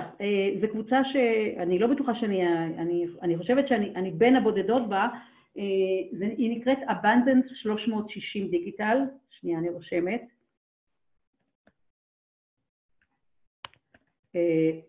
Abundance 360 Digital, זה בעצם הקבוצה, היא נרכשה כרגע לדעתי על ידי Singularity, אבל זה בעצם הקהילה שפיטר דיאמנדיס הקים, והיא פשוט מדהימה, אתם לא מבינים, אני כל בוקר מתעוררת, כמעט כל בוקר יש לנו משהו מעניין אחר. עכשיו, יש שם גם ממש, יש כל הזמן הרצאות ויש כל הזמן, ויש גם, ויש מודולים, זאת אומרת, מה זה, מה זה למשל, מה הולך לקרות בעולם הייצור, איך הולכת לראות, הבוקר למשל אני ביליתי עם, עם עולם ה... אמנם הוא דיברנו, הוא לימד על נושא של איך ייראה עולם התכ... נו, האנרגיה, זאת אומרת, יש ממש ממש מודולים בכל נושא, יש אחר כך הסברים בכלל איך העולם הולך להיראות, זאת אומרת, אני בשמחה. חבר'ה, אל תשלחו כאן, זה תשלחו למייל, כי אנחנו כאן לא נוכל להתחיל לסוף עכשיו, אם לא קשה לכם, תשלחו מייל, אחר כך אנחנו נרכז הכל, בסדר? את מי שרוצה להיות אחר כך ברשימת תפוצה, אנחנו נדאג לעשות את זה מסודר, נכון שלי? בטח. בטח. אוקיי. עוד, עוד, עוד, עוד, מה, מה, מה, מה? לא רואה. אני, נראה לי שזה הכל לבינתיים. נהדר. חבר'ה, אתם, רק ת, אם אפשר שתגידו אם אתם למדתם, אם אתם חושבים שזה תרם לכם, אם נשמח לשמוע אם מישהו חושב שזה תרם לו. אם יש, דרך אגב, אה, יש עוד שאלות. ממי אומר שיש שאלות. שלי? שלי? כן, אני רואה שחלק מהשאלות, שאלו אותי האם ההרצאה מוקלטת, מתי היא מסתיימת. היא כבר מסתיימת. כן. כן. שאלו איך מצטרפים לקבוצת החשיבה, שהתייחסנו יותר חומר על מפת האמפתיה. יש פה שאלה על... מישהו כתב, ממי כתב, שנשמע שאת מדברת משהו שיותר מתאים לארגונים גדולים, מה לגבי סטארט-אפים? סליחה, נכון. לגבי ההרצאה שלך, הוא שואל לגבי סטארט-אפים, זה נכון? אני חושבת שאני, אני, תראו, סטארט-אפים, אני אגיד את זה הכי הכי פשוט, בדרך כלל סטארט-אפים אמורים, אם הם, אם הם כמו שאני, הם צריכים להיות בשיבוש. עכשיו, אם אתה יושב בשיבוש, אז פשוט שב ותעשה את כל העבודה שאתה צריך לעשות בשיבוש. זאת אומרת, עדיין, תראו, אני אגיד את זה ככה, רוב הסטארט-אפים שאני מכירה מכל ה... יש ניתוח מאוד מעניין, אני כבר לא זוכרת מי עשה אותו, על סמך איזה 20 אלף סטארט-אפים שהוא ליווה באיזו חברה מאוד גדולה, יש הרצאה שלו, נדמה לי אפילו בטד, למה סטארט-אפים נכשלים, ובעצם שתי הסיבות המרכזיות זה טיימינג, והסיבה השנייה זה הבנה של המשתמש הסופי. אפילו גוגל המדהימה נכשלה בהתחלה עם המשקפיים שלה, למה? כי נקודת המוצא שלה הייתה שהמשתמש זה מי שמרכיב את המשקפיים. זאת אומרת, הייתה כאן טעות בסיסית בהבנה של מי זה המשתמש, כי בעצם המשקפיים משמשות אותי בשביל להסתכל על מישהו אחר. ובעצם המישהו האחר הוא חלק מהסיטואציה, ואנשים התנגדו. זאת אומרת, אם דיברת איתי עם משקפי הגוגל, אני אומרת לו, רציתי לא רוצה לדבר איתך. עכשיו, תסתכלו על הדבר הזה. זאת אומרת, הנושא של הבנה מאוד מעמיקה של המשתמש היא מאוד חשובה. זו דוגמה מאוד טובה מה שקרה עם, עם, עם, עם משקפי גוגל. ואז הסיפור היה שבעצם גוגל אקס החליטו שהם הודיעו שגוגל, שגוג, שהמשקפיים הם כישלון. אחרי שהייתה השקה מדהימה, אני לא אכנס לסיפור יפהפה, אבל הלקח היותר מעניין. הם שמו, הם פשוט אחסנו את מיליוני המשקפיים שהם הכינו במחסנים. ואחרי פרק זמן מסוים, הם גילו שסטארט-אפים מתחילים לקנות את המשקפיים בכמויות גדולות יותר ויותר ויותר. הם פנו אל, ה, אה, אל הסטארט-אפים האלה ושאלו אותם מה אתם עושים, במה אתם משתמשים במשקפיים. עכשיו, מה ש...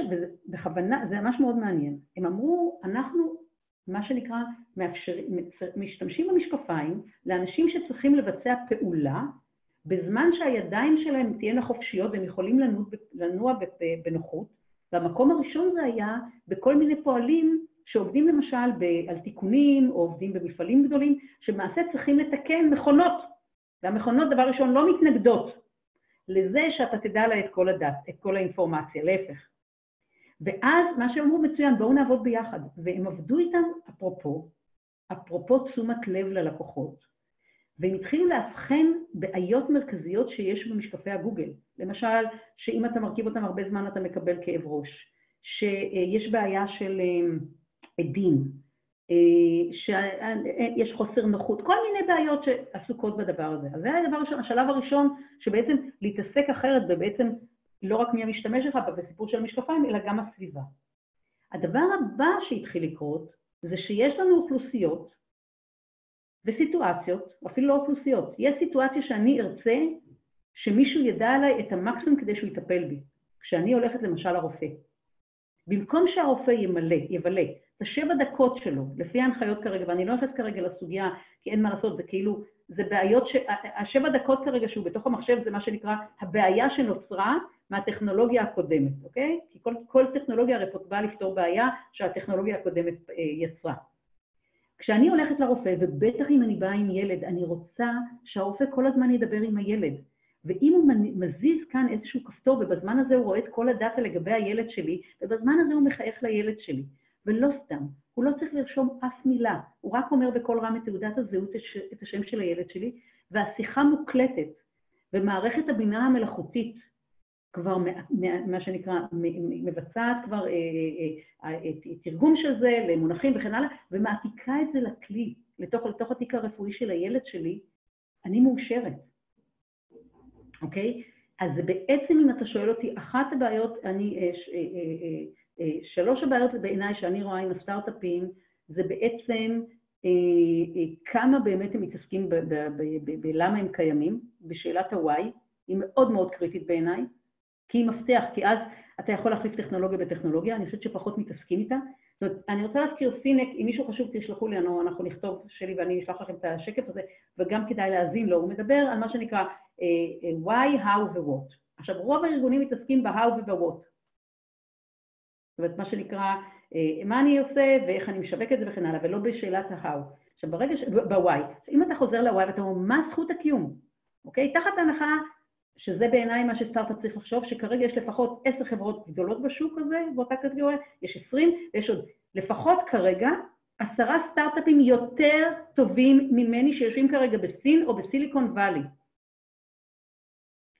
ואז מה אני צריך לעשות? זה דבר ראשון, למה אני קיים? ואז אני מאמינה שאם אתה באמת ממש אובססיבי לגבי הלקוחות שלך. ואתם יודעים, המנכ"ל של אפל האגדי היה בדיוק כזה. אם אתה באמת אובססיבי עד הסוף, יהיה לך יתרון יחסי. אני רוצה להזכיר לנו שכשיצא אפל, הראשון, שיצא, סליחה, אה, נו, כשיצא, אה, נו, האייפון הראשון, המנכ"ל של מייקרוסופט העריך שהוא הולך להיכשל, כי הוא אמר, יהיה לו רק שני אחוזים. עכשיו, עוד דבר אני רוצה להגיד משהו לגבי הסטארט-אפים והאוכלוסיות. תזכרו, כאשר יש לנו מה שנקרא את העקומה של אימוץ, אני, זה ממש, זה מודל ישן, הוא קיים משנות ה-90 כבר של אימוץ טכנולוגיה, אבל זה חשוב בשביל הסטארט-אפים, אנחנו מדברים על 1.5% שהם המשוגעים שינסו כל דבר. יש לנו מה שנקרא את המתנסים המוקדמים, שזה בין 12 ל-15 אחוזים, אחר יש לנו את מה שנקרא את הרוב המוקדם 30 אחוזים, אחר יש לנו את הרוב המאוחר, ואחר יש לנו את הלגז. אם סטארט-אפ רוצה, אבל כדי להגיע לרוב המוקדם ואחר כך, אוקיי, הוא חייב קודם לעבור את האחוז וחצי ואת ה-12 וחצי. אני, אם הייתי כרגע בתור סטארט-אפ והייתי צריכה להבין את הלקוחות, הייתי דבר ראשון מתעסקת בלהבין את, את, את החבר'ה האלה, שהם בלאו הכי פתוחים, ואני לא צריך להתעסק כרגע בהתנגדויות, אוקיי? זה נורא נורא נורא קריטי. זאת אומרת, מה הצרכים, העדפות של הלקוחות הפוטנציאליים שלי, שהם מלכתחילה כבר מאמצים מקדימים, כי אותם אני צריך לעבור בלאו הכי. אתה לא מגיע אף פעם לרוב המקדים, לפני שאתה עברת את המשוגעים ואחר כך את ה-12% את המאמצים המוקדמים, להתעסק בהם. זאת אומרת, האובססיביות לגבי הלקוחות היא בעיניי כלי קריטי להצלחה. והסיפור הבא זה המודל העסקי. ובמודל העסקי מה שחשוב בעיניי להסתכל זה על כל מה שקורה כרגע מסביב. האם זה צריך להיות במודל של מנוי? האם זה בכלל צריך להיות per service? זאת אומרת, שם יש לנו גם כן אופציות אדירות שמעולם לא היו לנו קודם לכן. אז לחזור לשאלות ה-why, להיות ממש ממש קריטיים עם הנושא של אובססיביות אובססיביות לגבי המשתמשים, אם אתה רוצה אני יכולה לעזור לך לחשוב על זה, אחר כך הנושא של הטיימינג, אם השוק בשל או לא, נורא משמעותי, ואם כן אז לרוץ מאוד מהר קדימה כמובן, והדבר הרביעי זה המודל העסקי שצריך להסתכל ולהיות מאוד יצירתיים לגביו. זה ככה a nutshell. אוקיי. זהו? שלי? כן. חבר'ה לך, המון, המון, אני לא כרגע מצב כרגע לקרוא חברי הגיל השלישי, נכון, מצוין, אחרי שיש לה הרבה ידע והרבה ניסיון. אה, בסדר, שלי המדהימה תשלח אה, לכולם את המצגת, היא לשירותכם. וכמובן אה, את ההקלטה, ועוד פעם, שירה ושלי, רויטל, אלפי תודות, אלפי תודות. ותודה לכם, הכי חשוב, תודה רבה לכם. ביי ביי. ביי ביי. ביי ביי.